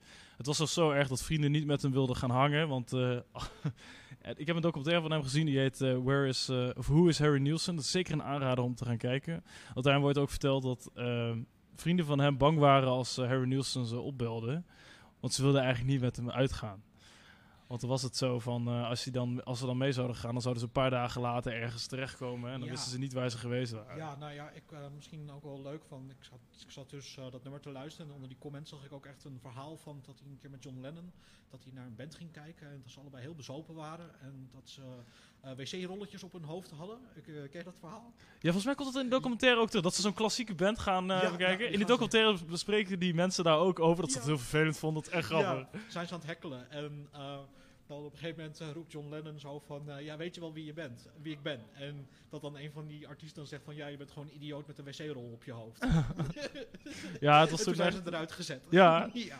Ja, hij ging vaak inderdaad chillen met, eh, ook met, met Ringo Starr en met John Lennon. En hij, ja, hij was ook wel berucht dus om ernstige dingen te gaan doen en bijvoorbeeld ja, die concerten op te breken. Het is zelfs zo erg gegaan dat ehm, RCA Harry Nielsen heeft afgekocht. ze wilden er van hem af, dus ze hebben ze hem 3 miljoen dollar gegeven. En eh, Oh, zo'n aardig zakcentje. ja, Ja. maar het was een set voor Harry Nielsen, want daardoor heeft, daarna heeft hij niet meer zoveel mu- muziek gemaakt. Maar het interessante is ook aan deze man, ja, hij heeft best wel verschil, verschil- verschillende dingen gedaan. Hij zat vooral in het beetje het, ja, het popmuziekgenre van de jaren 70, denk ik. Ja. Maar hij heeft ook samengewerkt met de arrangeur van Frank Sinatra en heeft een soort crooner album gemaakt. Die moet ik zelf nog luisteren, maar die schijnt best leuk te zijn. En hij heeft een album gemaakt met John Lennon en dat is, wel, dat is een van zijn latere albums. En hij heeft daar een beetje zijn stem kapot gezongen. Want eh, John Lennon stond er wel onbekend als je zijn albums uit de jaren 70 gaat luisteren. Eh, Imagine en, eh en Rock'n'Roll en dat soort albums. Dat hij een aantal nummers, nee vooral Mother trouwens, het eerste album van John Lennon, daar heeft hij van die nummers, daar, daar, daar schreeuwt, hij, schreeuwt John Lennon best wel hard. Ja. En ehm, toen ze dat allemaal aan het opnemen waren, toen, wa toen was. ehm, toen raakte Harry Nielsen en John Lennon een beetje zo van. Die waren elkaar een beetje aan het ophitsen om heel hard te gaan zingen en te schreeuwen. Er zijn, het is een soort urban myth om, rondom het opnemen van dat album dat er bloed op de microfoon zou zitten.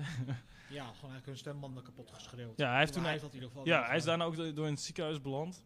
Uiteindelijk is het toen wel weer goed gekomen, maar Ja, Ja, ja hij- gewoon niet doen. Gewoon niet schreeuwen in een microfoon als je daar geen training voor hebt gehad.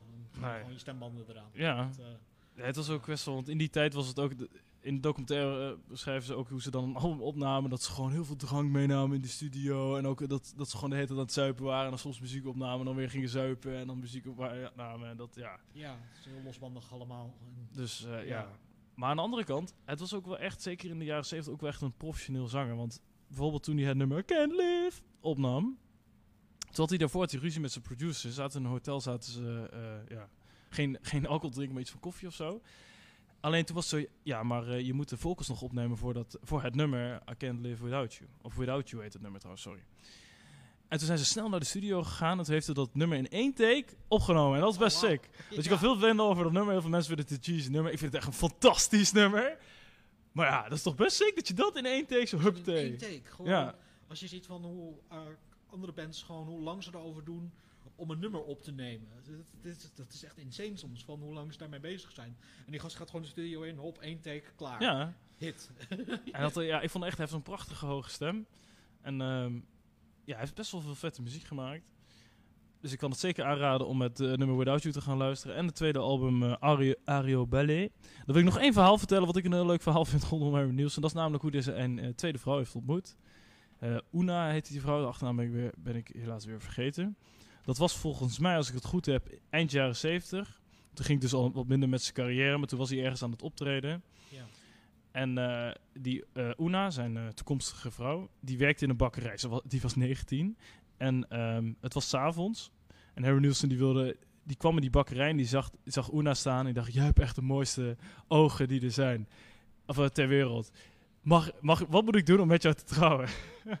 en toen was die, Una was een beetje van, huh? Ja, en toen zei ze voor de grap van, ja... eh, vrouwen die eh, vinden het fijn als je bloemen en meloenen koopt. En het grappige is, in die documentaire vertelt Harry Nielsen dat verhaal. En dan eh, zie je ook Una die dat dan bevestigt, zeg maar. Ja. En Harry Nielsen vertelt ook van, oh fuck, hoe moet ik dat nu gaan doen? En dan zie je zo in die documentaire zie je zo'n plaatje van zo'n avondwinkel. En dan zegt ja, meloenen zijn makkelijk. Ik ook gewoon bij. En dan vernoemt hij een of andere avondwinkel. Dan zie je een plaatje daarvan. Maar zei hij, hoe de fuck ga ik bloemen halen zo laat? En uiteindelijk was hij, hij was in een stad, ik weet niet precies welke stad, maar in de buurt was een, eh, was een haven. En er kwamen net grafbloemen binnen. En toen heeft hij daar Oh, wat bloemen nee. gestolen. En toen is hij met die bloemen en die meloenen daar naartoe gegaan. En toen was het helemaal van wow. En toen zijn ze verliefd geworden, hebben ze vijf kinderen gekregen. Holy shit, leeft hij nog? Nee, Harry Nielsen is helaas in de jaren 90 overleden. Maar hij heeft, heeft vijf kinderen gekregen in, eh, in tien jaar tijd. Hij had al een kind bij zijn eerste vrouw. Ja. En hij, is, hij heeft uiteindelijk, toen hij met Una een relatie kreeg, heeft hij nog een paar eh, albums gemaakt. Maar toen heeft hij zijn leven ook echt gebeterd. Alleen helaas heeft hij zoveel alcohol en ook drugs gebruikt dat zijn lichaam zo kapot was. Dat hij, Ja. hij kreeg last van hart, eh, hartfalen. Zoals bij veel hart- mensen zo van hard die aan. tijd. Ja. Ja. En toen is hij helaas in 1991 zoet of 92 is hij, eh, is hij overleden. ja. Maar het toch is was een hele muzikale legacy achtergelaten. ja. Ondanks dat hij niet optrad. Ja. Nee, ik denk dat zeker dat nummer Without You is best wel een klassieker. Ja. En ehm, ja, dus ik zou zeker aanraden om eh, die artiest ook een keer te gaan checken. Want hij heeft een interessant verleden. En die documentaire is erg leuk, omdat hij, ja, hij heeft best wel veel meegemaakt. En dat uh, ja. Is die gewoon op YouTube te vinden? dat is uh, goed. Dat weet ik eerlijk gezegd niet. Misschien in delen. Maar ehm, ik zou het zeker opzoeken. Ja. Tof. Tof. Nou, dat was het alweer voor deze week. Yes! Heb jij nog leuke muziek die je ons wil laten horen voor de nieuwe Lucas en Luc? Laat het weten. En dan uh, willen we je weer een fijne dag wensen. Ja. En dan uh, tot de volgende keer bij Lucas keer. en Luc. Hoi hoi.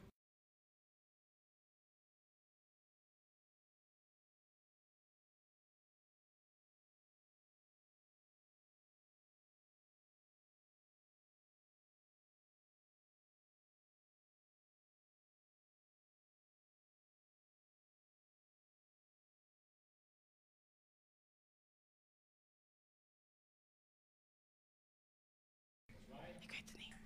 En daar zijn we weer. Ik hoop dat jullie genoten hebben van het muziekstukje, ondanks het serieuze onderwerp waar we net over gesproken hebben.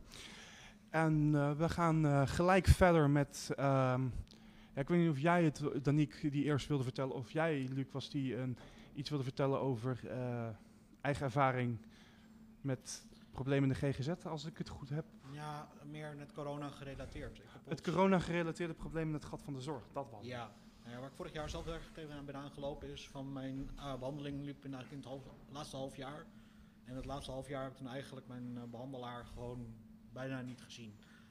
Uh, of het was telefonisch en het was ook echt een periode van bijna twee maanden dat ik gewoon ja, niemand, niemand had gesproken. En dat werd ook vrij abrupt werd dat afgekapt omdat ze allemaal vanuit huis moesten werken. Het was gewoon niet in te delen omdat ja, bepaalde therapie-sessies die moeten dan ook gewoon uh, daadwerkelijk gewoon soort van fysiek gevoerd worden. Van ja, als in van dat je je behandelaar ziet. En daar is gewoon een heel groot gat in gevallen. En denk ik sowieso in de GGZ. Want dat mensen gewoon niet meer een uh, behandeling kunnen volgen omdat ja, alles is dicht. En ja, via telefoon of videobellen is dat toch wat lastiger op een of andere manier vind ik. Ik vind het heel erg onpersoonlijk.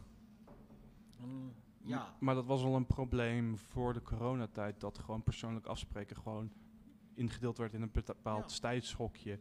En dat je één op één gesprekken echt gewoon twee weken of drie weken van tevoren moet plannen voordat je een gaatje vrij krijgt. Omdat ze ook moeten rapporteren en dat soort dingen waar we het Ja. net ook over Ja. hebben gehad. Maar dankzij de corona is gewoon letterlijk bewezen dat gewoon er zo'n groot gat tussen, eh, de persoonlijk, tussen het onpersoonlijke en het persoonlijke gewoon zo groot is. Dat het gewoon aantoont dat uh, en dit is ook een mooie uitspraak, uh, de greppelfik waar we het net over hadden, ja. in de hele zorgsector. Um, het, wat er dadelijk waarschijnlijk ook gewoon gebeurt na het einde van de coronatijd, is dat, uh, dat, dat het licht wat geschenen wordt, wat belicht moet blijven, vind ik. Dat het zorg.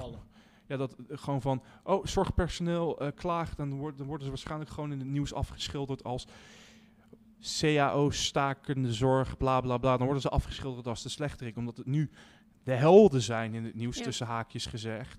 Ja. En, na, en nadat de zorg gewoon letterlijk na de coronatijd uh, gewoon eist van... Ja, hey, jongens, jullie hebben nou gezien waar de gaten zitten.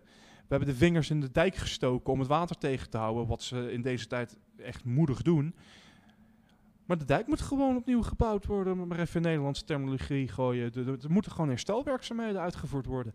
En niet dan op het einde dat ze gewoon behandeld worden als eh, Piet Klaas Jan Mup zeikt over zijn loon in de zorg. Dat ze als slechterikken worden afgeschilderd. Dat is ook heel belangrijk dat dat na deze crisistijd gewoon belicht Ja. blijft. Wat ook bij heel veel organisaties gewoon misgaat, is dat het totale budget, totale budget voor 2020 was tussen eh, 70 en 85 miljard vanuit de overheid. Maar het grootste deel komt gewoon daadwerkelijk echt bij de organisaties in bepaalde potten terecht. En bij het raad van bestuur, dat gaat niet naar zorgmedewerkers. Daar, ik bedoel, zo'n raad van bestuur en managers die krijgen gewoon altijd een bonus elk jaar. En, maar dat zijn gewoon enorme bedragen die gewoon in een soort van zwart gat verdwijnen. En dan gaat er alsnog heel veel mis, maar er wordt gewoon niks opgelost. En ja, daar moet ook gewoon echt iets mee gebeuren. Want dat, die, ja, het is gewoon ook die hele decentralisatie, maar ook eh, zorgorganisaties en ook GGZ-instellingen die met elkaar eh, eh, een soort van competitie voeren. Van dat er niet meer wordt samengewerkt. Van dat er niet organisaties zijn van hé, hey, wij hebben hier geen ruimte voor. Of jullie hebben betere specialisten. Kan deze bij jullie? Nee, dat gaat niet. Dan moet je weer naar je huisarts en dan moet je weer een aanvraag doen om weer bij een andere organisatie terecht te komen. Je moet veel meer ehm, een soort van systeem gaan ontwikkelen dat, dat instellingen en zorgorganisaties met elkaar gaan samenwerken. En gewoon een soort van gangetjes creëren van oké, kan het niet hier, dan kan het wel daar. En dat gebeurt nu niet. En dat- Mm, ja, bij, eh, dan, bij ons in de Achterhoek tenminste, of waar ik heb gezeten, is dat wel. oh, ik dat zo is zeggen, wij hebben, eh, dat is, eh, we hebben aardig wat cliënten gehad die uiteindelijk gewoon niet op hun plek zaten. Dan moet ik wel zeggen, het duurt langer dan het moet, laat ik het daarbij houden. Het was echt, we hebben één iemand gehad, ik ga geen namen noemen, maar die was gewoon heel duidelijk, hoorde die niet bij onze organisatie. Want je moet wel iets eh, zelfstandigheid kunnen en je moet ook willen leren. En dit was iemand die had het gewoon totaal niet vanuit huis meegekregen en die wist ook totaal niet hoe die ermee om moest gaan. En die heeft ook echt tot eh, in 2018 zijn wij beide ongeveer rond dezelfde tijd aangekomen. En hij is pas in oktober 2020 is hij weggegaan. En eh, de begeleiding heeft er echt voor moeten knokken, om maar zo te zeggen, om hem ergens anders te krijgen. Maar hun hebben vervolgens ook de verkeerde informatie gekregen van de organisatie waar hij eerst zat. En dat is ook een stukje waar communicatie dan tussen zorginstellingen misloopt. Maar waar het dan ook vervolgens eh, wel weer naar een ander geschoven wordt. Om het in wat simpele terminologie te pleuren, een telefoonspelletje. Ja, het is echt Dat, van... dat, dat, dat, eh, dat groep A zegt, die heeft, eh, deze cliënt heeft zorg A nodig. Maar dan geven ze in plaats van A.1, geven ze hem A.3.5.17. Terwijl Precies. hij gewoon A.1 nodig heeft. En Precies, dat blijft dan en het is doorgegeven. gewoon eigenlijk twee jaar.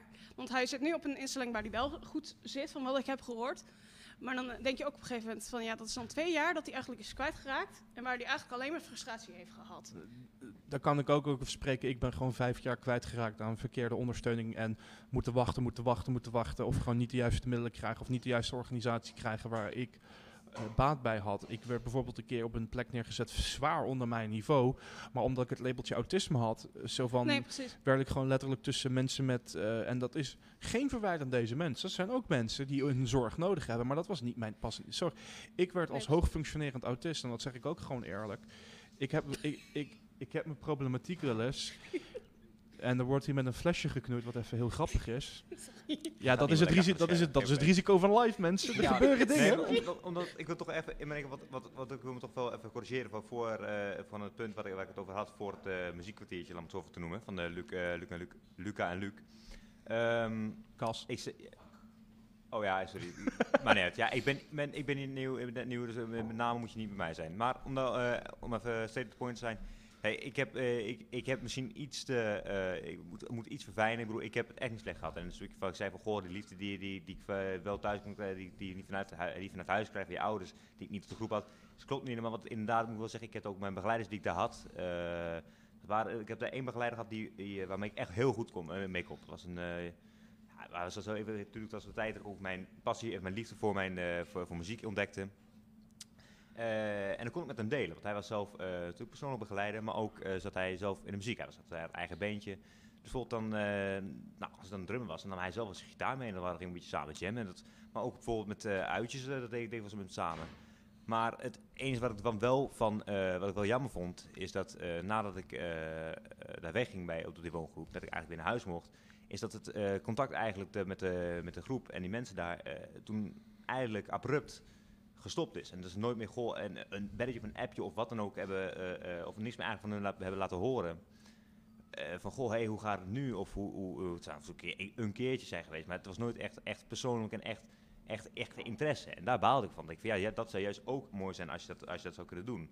Dat je, zelf, eh, dat je ook na dat je iets hebt afgesloten, nadat jij een, eh, de, de zorg hebt afgesloten die jij nodig hebt, en dat je eigenlijk op eigen benen kan staan. Dat je toch wel contact houdt met degene waarmee je als begeleider contact houdt met je cliënt waarmee je gewerkt hebt. Goh, hey, kijk, hoe gaat het nu met je? En eh, bijvoorbeeld, eh, of ben je, zijn er nog punten waar je volgens waarvan zeggen, goh, daar heb je hulp bij nodig en kunnen wij daarbij bij helpen? Dat zou ik zelf een, een, een puntje vinden waar ook bij. Dus kijk, bij sommige instanties en sommige zorginstellingen zijn, is dat wel aanwezig, maar het is wel een, het is niet overal zo. En ik stel wel een, vind het wel een belangrijk punt dat dat wel meer naar moet gekeken worden. En het is niet alleen Ja. dat er ook de, de, de meer, meer persoonlijk moet verdiend worden in de cliënt tijdens, eh, tijdens eh, de zorg, dat ze daar zitten, maar ook na de zorg, nadat ze de, hun, hun hebben, eh, dat hebben afgesloten. Dat ze daar ook toch wel eh, die interesse moeten blijven geven en, ook, en altijd moeten aangeven, goh, hey, zijn er nog dingen waar je tegenaan loopt? Of nou, wat dan ook. Ja, dus Nou ja, de, de, toevallig, eh, ik weet dat te- sinds 2021 eh, kan je een langdurigheidszorgindicatie krijgen. En eh, dan kun je, heb je eigenlijk recht op zorg van je levenslang. Dus dan kan je wel uit eh, de hoek Mm, gaan. Maar dan zeg ik daar wel even bij, daar zitten ook heel veel hoge en haken, Oh, ogen en dat. haken aan. Dat is, ik heb er zelf ook eh, onderzoek naar gedaan om te kijken of dat bij mij paste. Maar laten we zeggen, daar kom ik niet in aanmerking voor. Nee, en dat wil ik ook niet. over mensen die eh, bijvoorbeeld ehm, soort van chronische schizo- schizofrenie of wat dan ook hebben. Dat is echt wel de, de heftige, eh, langdurige zorg. Dat zijn mensen die gewoon echt niet op zichzelf kunnen wonen. Nee, precies. Maar het is inderdaad van, dan heb je eigenlijk wel zoiets van, ja, waar, het, het zou wel fijn zijn als je zoiets dan tenminste ook wel voor buiten huis zou kunnen hebben. Dat je tenminste wel gelijk een ambulante begeleider zou kunnen krijgen. Of dat je tenminste eh, niet gelijk, als je eh, uit het, het groep bent of uit het pand, dat gelijk de deur dicht gaat. Nee. Maar dan vraag ik ook heel serieus, is dit ook haalbaar, dat plan, dat langdurig zorgplan met het huidige zorgpersoneel? Want daar wil ik even nu op aankaarten. Met eh, waarom er steeds minder mensen in de zorg en meer mensen uit de zorg vertrekken. Eh, de- het- op papier is het een heel mooi plan dat mensen een langdurig zorgpakket kunnen inkopen. Een beetje zoals het oude CAK, maar dan zonder de corruptie en de inkoop van. Want CAK, daar kun je ook een uur over vol praten over de corruptie, maar daar gaan we het niet over hebben. Maar ehm, weten jullie ook waarom er minder, en, eh, minder nieuwe mensen de zorg in gaan en meer vertrekkende collega's in de zorg eh, zijn? Hebben jullie daar een beetje inzicht in? Eh, nou ja, ik, toevallig in zomer 2020 is een van de begeleiders bij ons toevallig weggegaan. omdat ze het er niet mee eens was. Omdat binnen het, onze groepzorg was er geen ruimte voor verandering. Of de manier hoe ze met corona omging, daar was het ook niet mee eens. En toen is ze gewoon, heeft ze gewoon gezegd, dan ga ik gewoon ergens anders werken. En dat is het ook een beetje. Het is ook dat eh, niet alleen van de overheid, maar ook vanuit eh, de hoofdlocaties van heel veel van de bedrijven. Die zijn niet eh, gewild om te luisteren naar hun eigen personeel. En het lullige stukje daarvan is, dan gaat het personeel gewoon vandoor. Gaan de ZZP'er kant of richt hun of eigen gaan bedrijf toch naar op? een bedrijf die, waar ze wel mee eens zijn. En als cliënt zit je gewoon in je woningje en denk je, nou fijn, weer een nieuwe begeleider. Nee, dan, ik, ik, ik pak er dan ook even wat eh, cijfers bij. Want het, het, het, het is niet een. Oh, er zijn wat mensen uit de zorg weg, mensen zijn uitgebrand. Nee, het is eh, daadwerkelijk een probleem. Al sinds 2017 is het al te bemeten. Ehm, en dit is een stukje wat ik eh, ook van iemand vanuit de zorg heb meegekregen. Dit komt van nursing.nl. Dat is een artikel van vorig jaar september. Dat is dus nog vrij recent. Dus die metingen zijn allemaal vanaf 2017 tot toen gedaan. Maar eh, bijvoorbeeld voor het toen, toen was het drie jaar, we zitten nu op de 3,5 jaar mark, om het maar even zo te zeggen. Eh, zijn er steeds minder zorgmedewerkers binnen de zorg- en welzijnssector ingestapt. Tegelijkertijd hebben meer mensen de sector ook verlaten. Dus er komen minder mensen binnen, maar er gaan ook steeds minder mensen in. De instroom eh, in de zorg- en welzijnssector was in het eerste kwartaal van 2020, wat toen de laatste grote meting was, 164.000. Dat is dus 6.000 minder nieuwe medewerkers dan in het laatste kwartaal van 2019. Toen was de instroom nog eh 1700.000. Kijk, het klinkt misschien. eh, eh, het verschil tussen 170.000 en 164.000. Klinkt misschien als niet veel, maar dat zijn toch wel 6000 mensen verspreid door heel Nederland die voor jouw opa en oma, van jouw eh, broertje of zusje, jouw neefje, jouw nichtje zorgen met speciale zorg. En dat, dat, is, een, dat is al een tekort. Ehm, in het eerste kwartaal van, 19, eh, van 2019 was de instroom ook gewoon een stuk lager, 166.000. Eh, De laatste keer dat die instroom daalde was in 2017. Toen stroomde in het tweede kwartaal maar 139.000 in, tegenover de 145.000 een kwartaal eerder. Dus het, het, het, het, het, wordt ook het wordt ook aangegeven in het artikel dat het wel met pieken en dalen gaat, maar de pieken en dalen gaan steeds lager en lager en lager. De uitstroom is ook gestegen onder het zorgpersoneel zelf. En dat, het CBS definieert een werknemer is gestopt met werk in de zorg en welzijn, stijgt door. Dit is in meerdere artikels ook toen dat tijd naar buiten gekomen. Bijvoorbeeld in 2020 was de uitstroom 125.000. Zowel in het eerste kwartaal als het vierde kwartaal van 2019 was de uitstroom 6.000 mensen lager. Maar dat is alsnog 6.000 mensen te veel. De uitstroom is sinds begin 2019 af en toe met wat schommeling, wat ik dus net ook zei met de instroom, op opgaande lijn bezig. Dus de uitstromingen zijn gewoon omhoog aan het gaan, terwijl de inkomingen steeds minder komen. Eh, dit is voornamelijk ook onder de thuiszorgmedewerkers. Hier heb ik het met mijn tante over gehad. Is dat er sinds eh, begin 2018, 19 eh, een gigantisch tekort aan zorgverleners dan het kwartaal daarvoor al in die jaren was. Maar die trend is een beetje aan een einde gekomen, blijkt ook uit, uit het artikel. Maar mijn tante zegt dat ze nog steeds in de regio Rotterdam voornamelijk mensen tekort schieten. Want soms heb je maar een uurtje per cliënt en moet je echt haasten. En sommige mensen willen juist een klepje, maar dat kunnen ze dus bijna niet meer. Het, het, het, het zogenoemde werknemer saldo, instroming van minimaal uitstroom, was eh, ja, ook gewoon te groot. Het aantal, huis, het aantal thuiszorgmedewerkers dat per kwartaal bijkomt steeg wel. Maar er komen wel steeds meer nieuwe medewerkers in de thuiszorg werken dan de thuiszorg ziet vertrekken. Ja, mijn zusje werkt dan in de ouderenzorg, dan eh, met eh, mensen met dementie en Alzheimer. En ja, die is eh, in een andere, andere gemeente gaan wonen, wel andere provincie ook. En die merkt wel gewoon het verschil met van waar ze werkte en waar ze nu werkt. Want als ze nu zegt van het voelt veel huiselijker aan, dus veel meer eh, oog voor de cliënt en waar ze daarvoor werkte. Dat was gewoon, ja, ze moest gewoon mensen zo snel mogelijk verzorgen, zo snel mogelijk eten geven en weer door. Want er was gewoon geen tijd om. eh, en ja, dat zie je dus ook van dat, dat sommige mensen ook gewoon meer een overstap maken tussen organisatie dan er echt uitstappen. Maar ik denk van mensen die uitstappen, dat die gewoon zwaar overspannen zijn en het gewoon.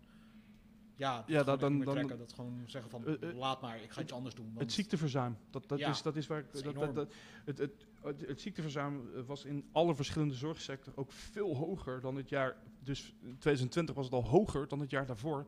Terwijl dit artikel uit september 2020 is. En dat was al toen hoger, maar dat heeft ook met corona waarschijnlijk te maken.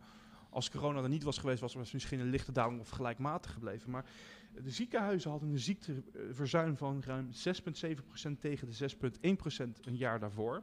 Het ziekteverzuim in de VTT, verpleging, verzorging en thuiszorg was 8%. Dus eh, tegen een 7,3% een jaar daarvoor.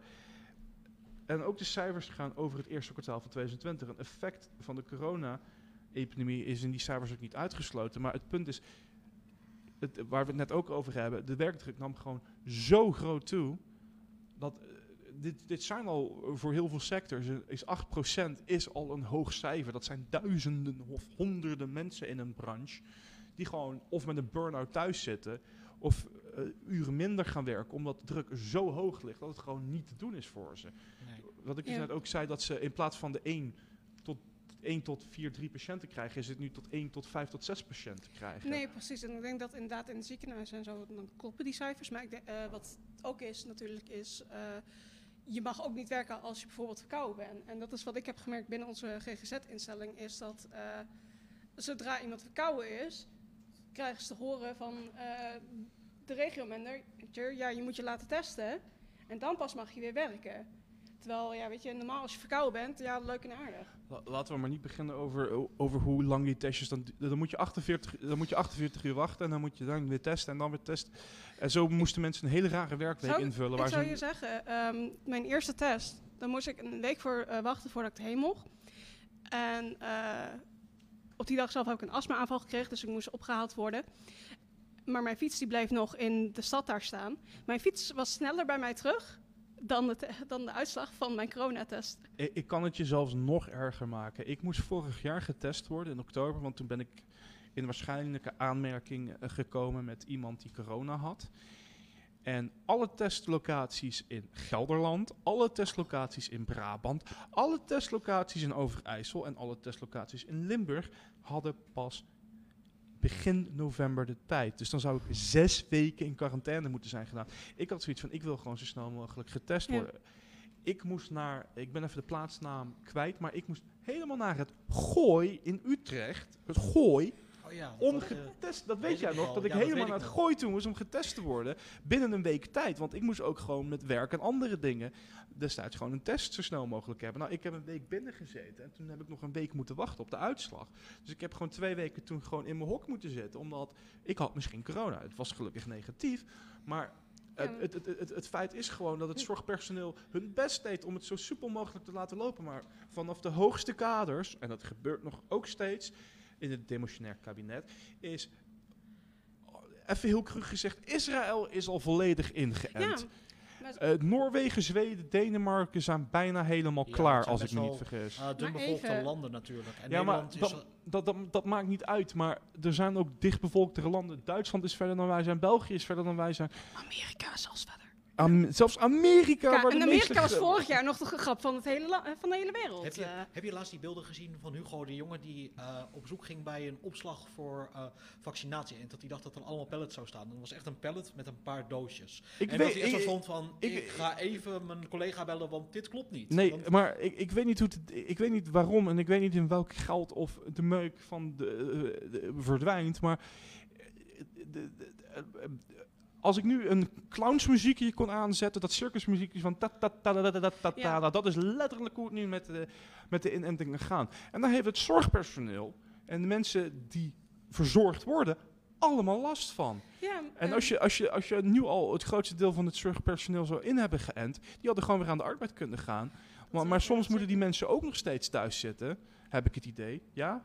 Hey, ook nog we, hebben nu in de hele podcast hè, de punten behandeld zoals, eh, eh, de, druk op de zorg, de, de, de, de, de, gaten in de zorg, de, nou, de mensen, de, natuurlijk het, tekort aan personeel komen, nou, alles op, nou, depressie. We hebben heel veel eh, dingen behandeld. Maar ik wil ook nog een puntje behandelen, bijvoorbeeld de angst die is gecreëerd. De hele pandemie is ook heel veel angst gecreëerd. Ik bedoel, mensen zijn ze tegenwoordig, als je, je hoeft alleen nog maar een kuchje vanuit het lichaam uit te stoten. En op, zeker als je op een iets drukkere plek, mensen kijken gelijk om en zijn gelijk, nou, bijna, bijna gevoelens zich bijna geterroriseerd. Ik denk van ja, het punt is sowieso eh, in het begin, nou, een beetje rond de, de tijd van eh, tussen de zomer, nou, tussen, ik weer, tussen winter en lente in, is, dat is heel normaal voor, voor een menselijk lichaam. Kijk, dan is het meestal de periode dat je heel vaak met heel veel mensen verkouden, ja, verkouden worden ook. En, en dat is niet zozeer zijn omdat ze, omdat ze, omdat, ze iets, eh, iets eh, gekregen Maar dat een, hele lichaam doet dat heel normaal bij mensen. En rond die periode, wat een lichaam doet, is dat eh, het gaat eh, alle eh, slechte bacteriën en, ver- en verkeerde stoffen die het lichaam op en die alle tijd opgenomen, gaat zich het doet het lichaam zelf gaat het, hè, soort, dat gaat zich eruit werken. En dat, komt, dat, dat gebeurt door middel van nou, snotneus, snotterug, verkouden, hoesten, maar ook inderdaad voor, dingen zoals, nou, dat hebben mensen ook wel eens last van, bijvoorbeeld diarree, maar echt, nou, dat soort dingen. En dat is niet zozeer dat je dan ziek bent en dat je dat bijvoorbeeld dat het komt door corona, maar dat is zeker in die periode van de winter, nou, tussen de winter en de lente in, is dat gewoon het, de gang van het lichaam. Gewoon de, de cyclus, dat gebeurt ieder jaar en dat zal altijd blijven zijn. Überhaupt, eh pandemieën, dat hebben wij, eh, dat, is gewoon, dat is gewoon zo. Als je kijkt vanuit de geschiedenis, ehm, iedere 20 jaar is een, hebben we, we hebben sowieso ieder jaar een, niet een pandemie, maar wel altijd een, een griepperiode. En iedere 20 jaar is het wat heviger dan de andere- in de andere jaren. En zeker elke 100 jaar is Spaanse griep 100 jaar Inderdaad, geleden. zoals we dat net aangeven, 100, 100 jaar geleden hadden wij ook, als ook een uitbraak. Dat was, eh, dat was inderdaad Spaanse griep.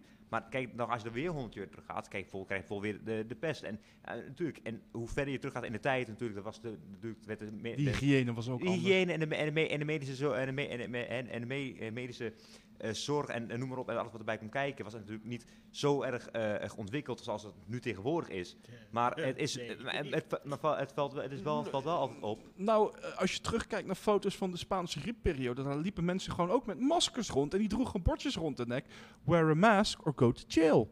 En die mensen deden, kijk, in die tijd waren er minder mensen en er was niet zo ver bereikt met internet, wappies en andere Ja, daar ga ik ook niet te diep op in. Maar eh, iedereen heeft zijn eigen waarheid en iedereen heeft het recht Ja. op die meningen. En daar vind ga ik ook niet verder op in. hoe sommige Maar- mensen nu ermee omgaan met van, oh, want het is nu ook met het vaccin, dan noemen ze het vergif. Ik denk, ja, hallo. Eh, puur, ja, er zijn een paar vaccins En de aarde is die plat. Dat, dat. Maar er zijn ook inderdaad, ja, er zijn een paar vaccins die hebben 1 op de miljoen bijwerkingen die slecht kunnen zijn. Zoals Amerika, die is gestopt met het Janssen-vaccin, omdat 1 op de miljoen kreeg trombose. Ik slik ADHD-medicatie. 1 op de 10.000 kan een hartaanval krijgen. Dus dan Er denk zijn ik altijd ja, bijwerkingen in de grote getalen. En, dan, en als één persoon, als één persoon die, omdat die risicofactor is, Ja. dan, heeft, dan is volgens dat iedereen die de factor krijgt. Maar om eventjes terug te gaan naar het zorgpersoneel en waar we het net over hadden. Ik ben het helemaal met jullie eens dat het gewoon een gekke periode is die gewoon veel beter aan had gepakt kunnen worden door eh, de, de hoge piefjes, om het maar zo te zeggen.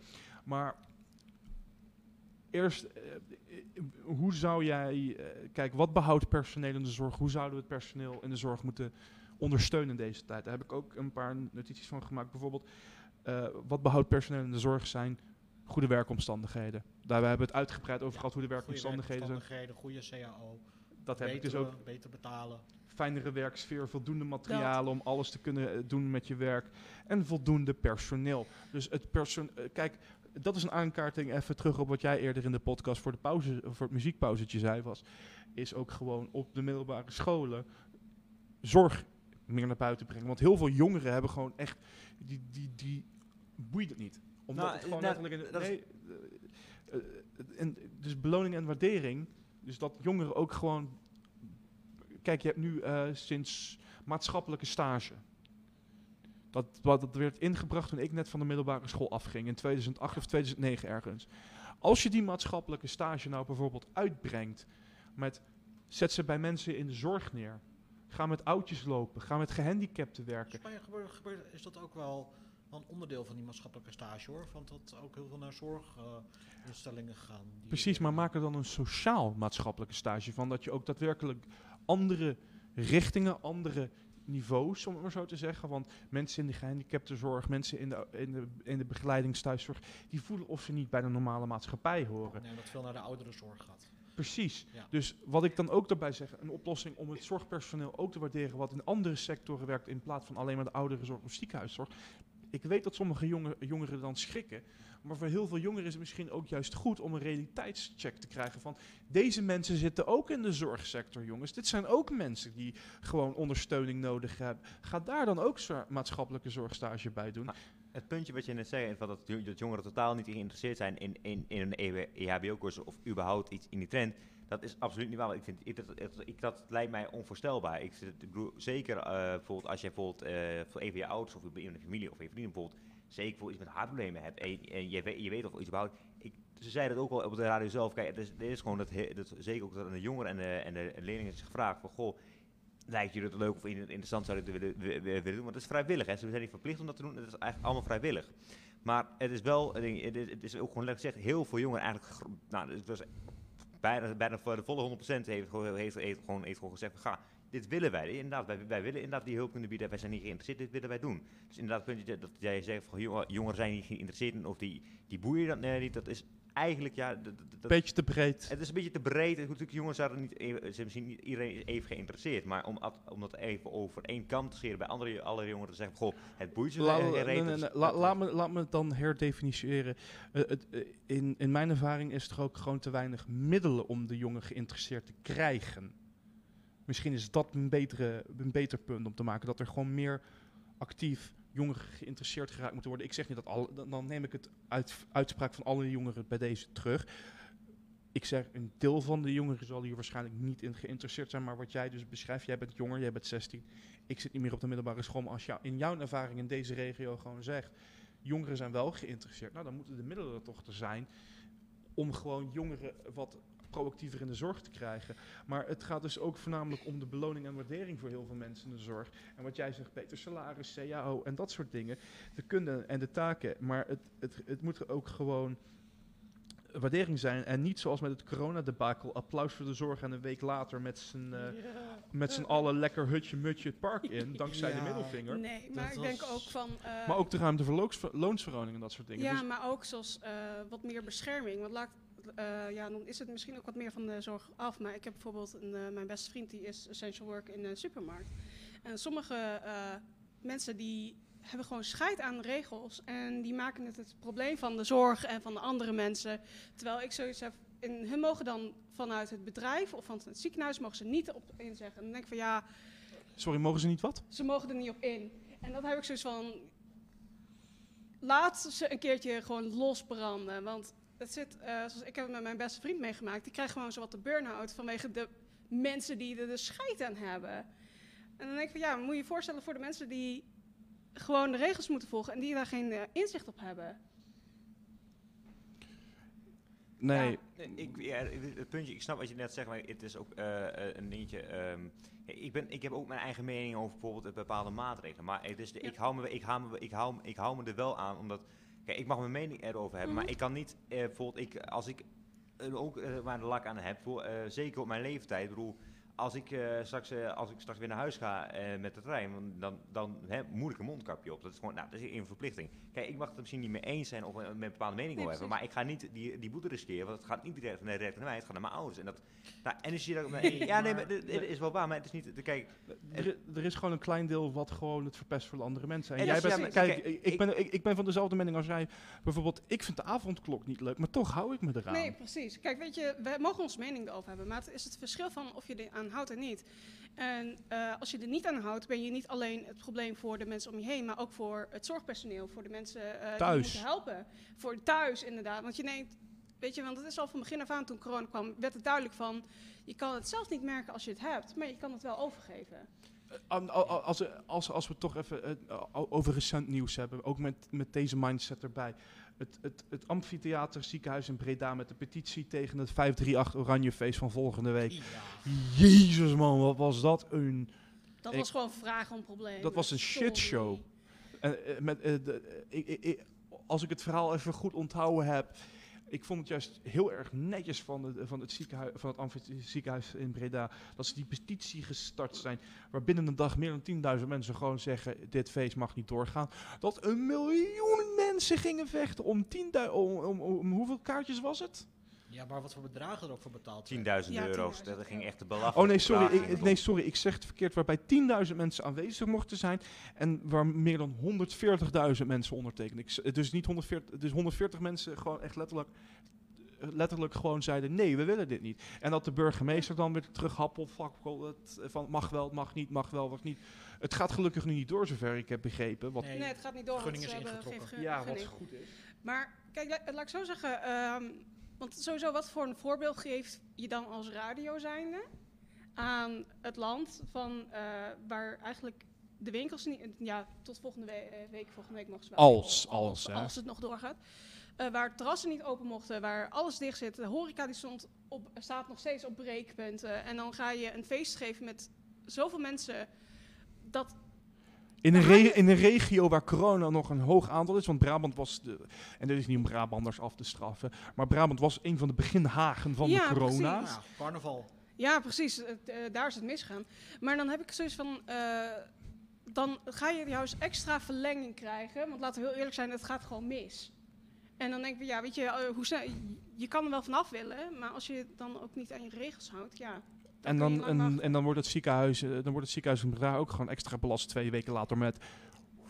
Dan zie je een stijging en dan Nee, wat je dan letterlijk krijgt, de regels van de, de versoepeling van smiddags weer terrassen op afstand open. Jee, fijn. Het is een beetje water bij de wijn voor heel veel onder, horecaondernemers. Die zeggen gewoon van, ja, maar waarom mogen we dan s'avonds niet open blijven en de avondklok gaat er vanaf? Ja, als je dan tot acht uur s'avonds geen alcohol meer mag serveren, dan kun je ook gewoon tegen de horeca zeggen. Tenminste, ik ben dan van mening van, van 12 tot kwart voor acht. Ja, precies. Dat je dan nog alcohol mag dienen tot kwart voor acht. Kijk, ik vind prima dat eventjes de alcoholregels nog gehanteerd worden om overlast te voorkomen. Maar letterlijk wat jij zegt, als je dat grote feest had gehouden, daar werd gewoon gezopen. Daar wordt gewoon alcohol mee naar binnen gesleept. Daar gaan shit mis. Daar wordt gewoon eh geneukt zonder condoom. En dat verspreidt zich ook onder. Ja, maar dat is ook. Ja. Dat is, mensen gaan bij elkaar in tentjes en hoekjes en gaatjes Nee, zitten. precies. En onder de jongeren die verspreiden dat dan weer, die komen uit het hele land. En die gaan dan weer allemaal naar huis. En van uit één grote smethart wordt het letterlijk door de aderen verspreid dat het openbaar vervoer en eh, auto's naar huis. En dan heb je in Amsterdam in één keer weer 20 erbij. Dat, dat, dat verdubbelt zich naar 40. En binnen twee, we- drie weken, eh, eh, het punt is, het aantal mensen is deze week ook weer aan het stijgen. En wat er dan ook gedaan kan worden, is gewoon wordt gezegd, ja, de avondklok wordt niet eraf gehaald.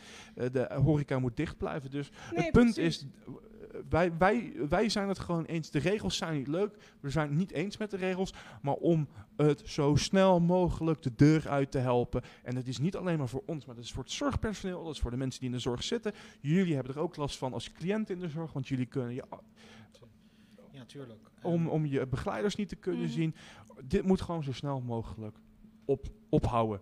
Dit gedrag van. Maar dan wil ik dan ook toch even aankaarten. Het punt, kijk, het punt, eh, kijk, je bent dan, er zijn, waren dus gewoon mensen bereid om daar gewoon, van, gewoon eh, voor een Duizenden euro's. Duizenden, gewoon, toch gewoon, vrij, gewoon echt een biedingen die voor een, voor een ticket naar een festival waarvan je niet eens zeker wist of het überhaupt doorging, zijn ze bereid om nou, gewoon 10.000 euro neer, eh, daarop te bieden en neer, voor, daarvoor neer te leggen. Terwijl ik denk van ja, bedoel, zo'n zo'n festival, zo'n festival dat kan nog- dat, dat, dat, dat is, dat gaat, dat, dat, dat wij, ik, ik, ik werk zelf bijvoorbeeld bij, dan bij Rental en het is dan weliswaar, het is mij ook verteld, goh, wij zijn, dit is de eerste, de eerste crisis die wij, ehm, eh, die wij eh, eh, echt, die ons echt geraakt heeft.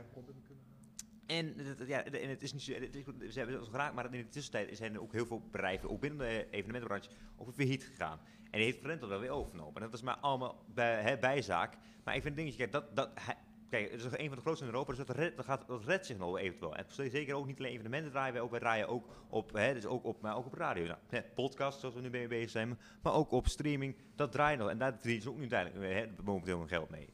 Maar mijn punt is, als je, als je, als je bereid bent om voor een ticket van een festival waar niet eens zeker is dat het doorgaat, daar 10.000 euro voor neer te leggen, of misschien een paar hogere, hogere prijzen, dan vind ik, dan vind ik, ik, zo, waarom zou je dat doen, terwijl je wel zeker weet dat je daarmee dat geld wel bijvoorbeeld je lokale, eh, je lokale winkels of, eh, en verkledingwinkels Ja, en, en, en, en horeca en dat kan steunen. Als je dat bereid, voor, om als je dat bereid, bent- dat bedrag bereid bent om neer te leggen voor een ticket voor, voor een festival, waarvan we nogmaals niet zeker weten of het waar doorgaat, steek het geld gewoon in, in, in, in, jouw, in, jouw, hè, in, jouw lokale, in jouw lokale ondernemingen.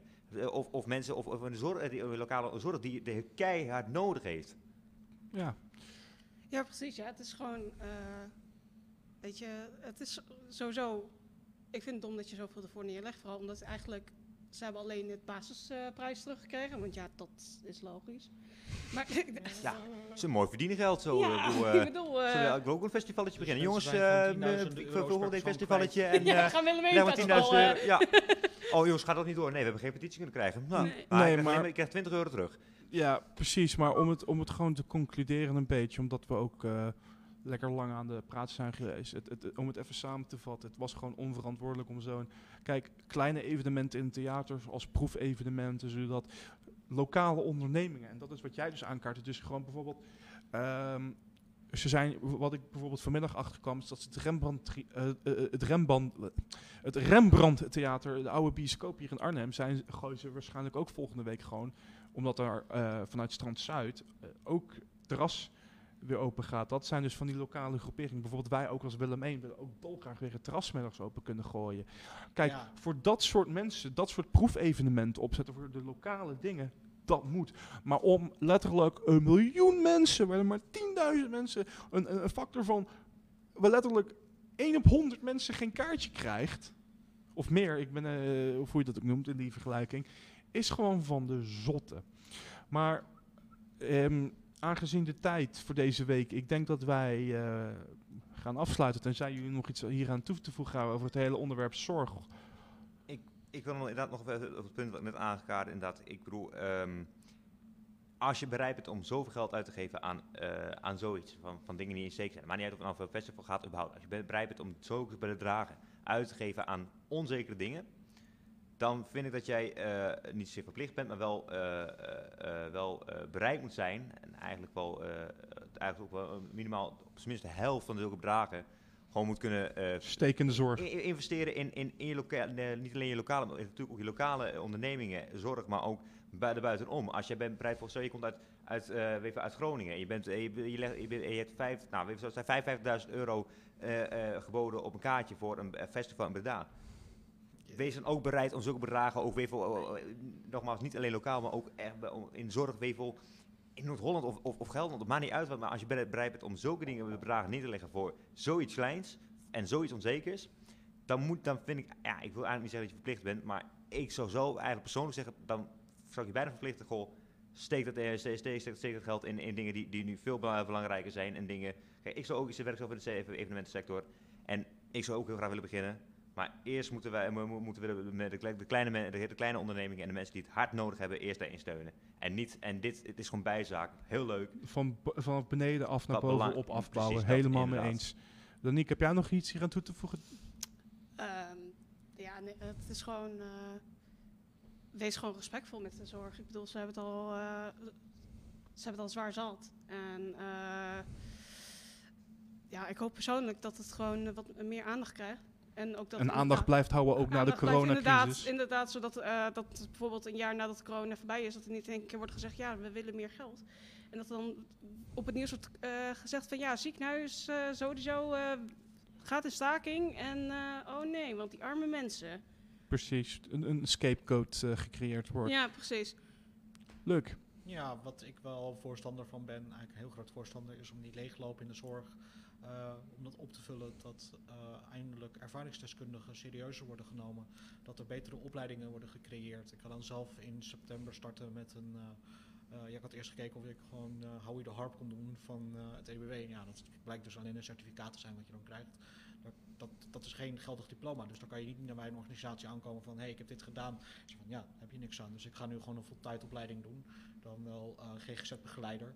En gewoon kijken van wat ik dan wil doen. Maar daar moet gewoon meer naar gekeken worden. Van, hey, we hebben heel veel ervaringsdeskundigen rondlopen die je daadwerkelijk kan gebruiken. Want die weten hoe het systeem werkt, wat een cliënt nodig heeft. En ja, ik vind dat we daar de komende jaren gewoon meer op in moeten zetten. En daarna gaan kijken van, om betere kwaliteit zorg te kunnen leveren. Ook voor mensen die wat lager zijn, die wat mbo zijn opgeleid. Van, Dat ja, die ook gewoon weer aan de bak kunnen. ja. Nou, dan eh, ik bedank voor jullie eh, dat jullie zijn gekomen. Ja, En eh, ook aan onze technicus Robin, eh, bedankt voor alles doen. Die zit hier naast me. Ehm, volgende week ehm, hebben we een wat luchtiger onderwerp. Ja. Ik bedank iedereen voor het luisteren. Volgende week hebben we het over com- comedy. Nou, dat. Met misschien een speciale gast. Dat is nog niet zeker, maar dat eh, horen jullie volgende week wel. Dus bij deze, ik bedank iedereen voor het luisteren. En ik wens iedereen een fijn weekend. En zo snel mogelijk af van deze maatregelen. Dat we weer gewoon Ja, met gezond verstand naar buiten kunnen. En een gezond lichaam. Tot ziens.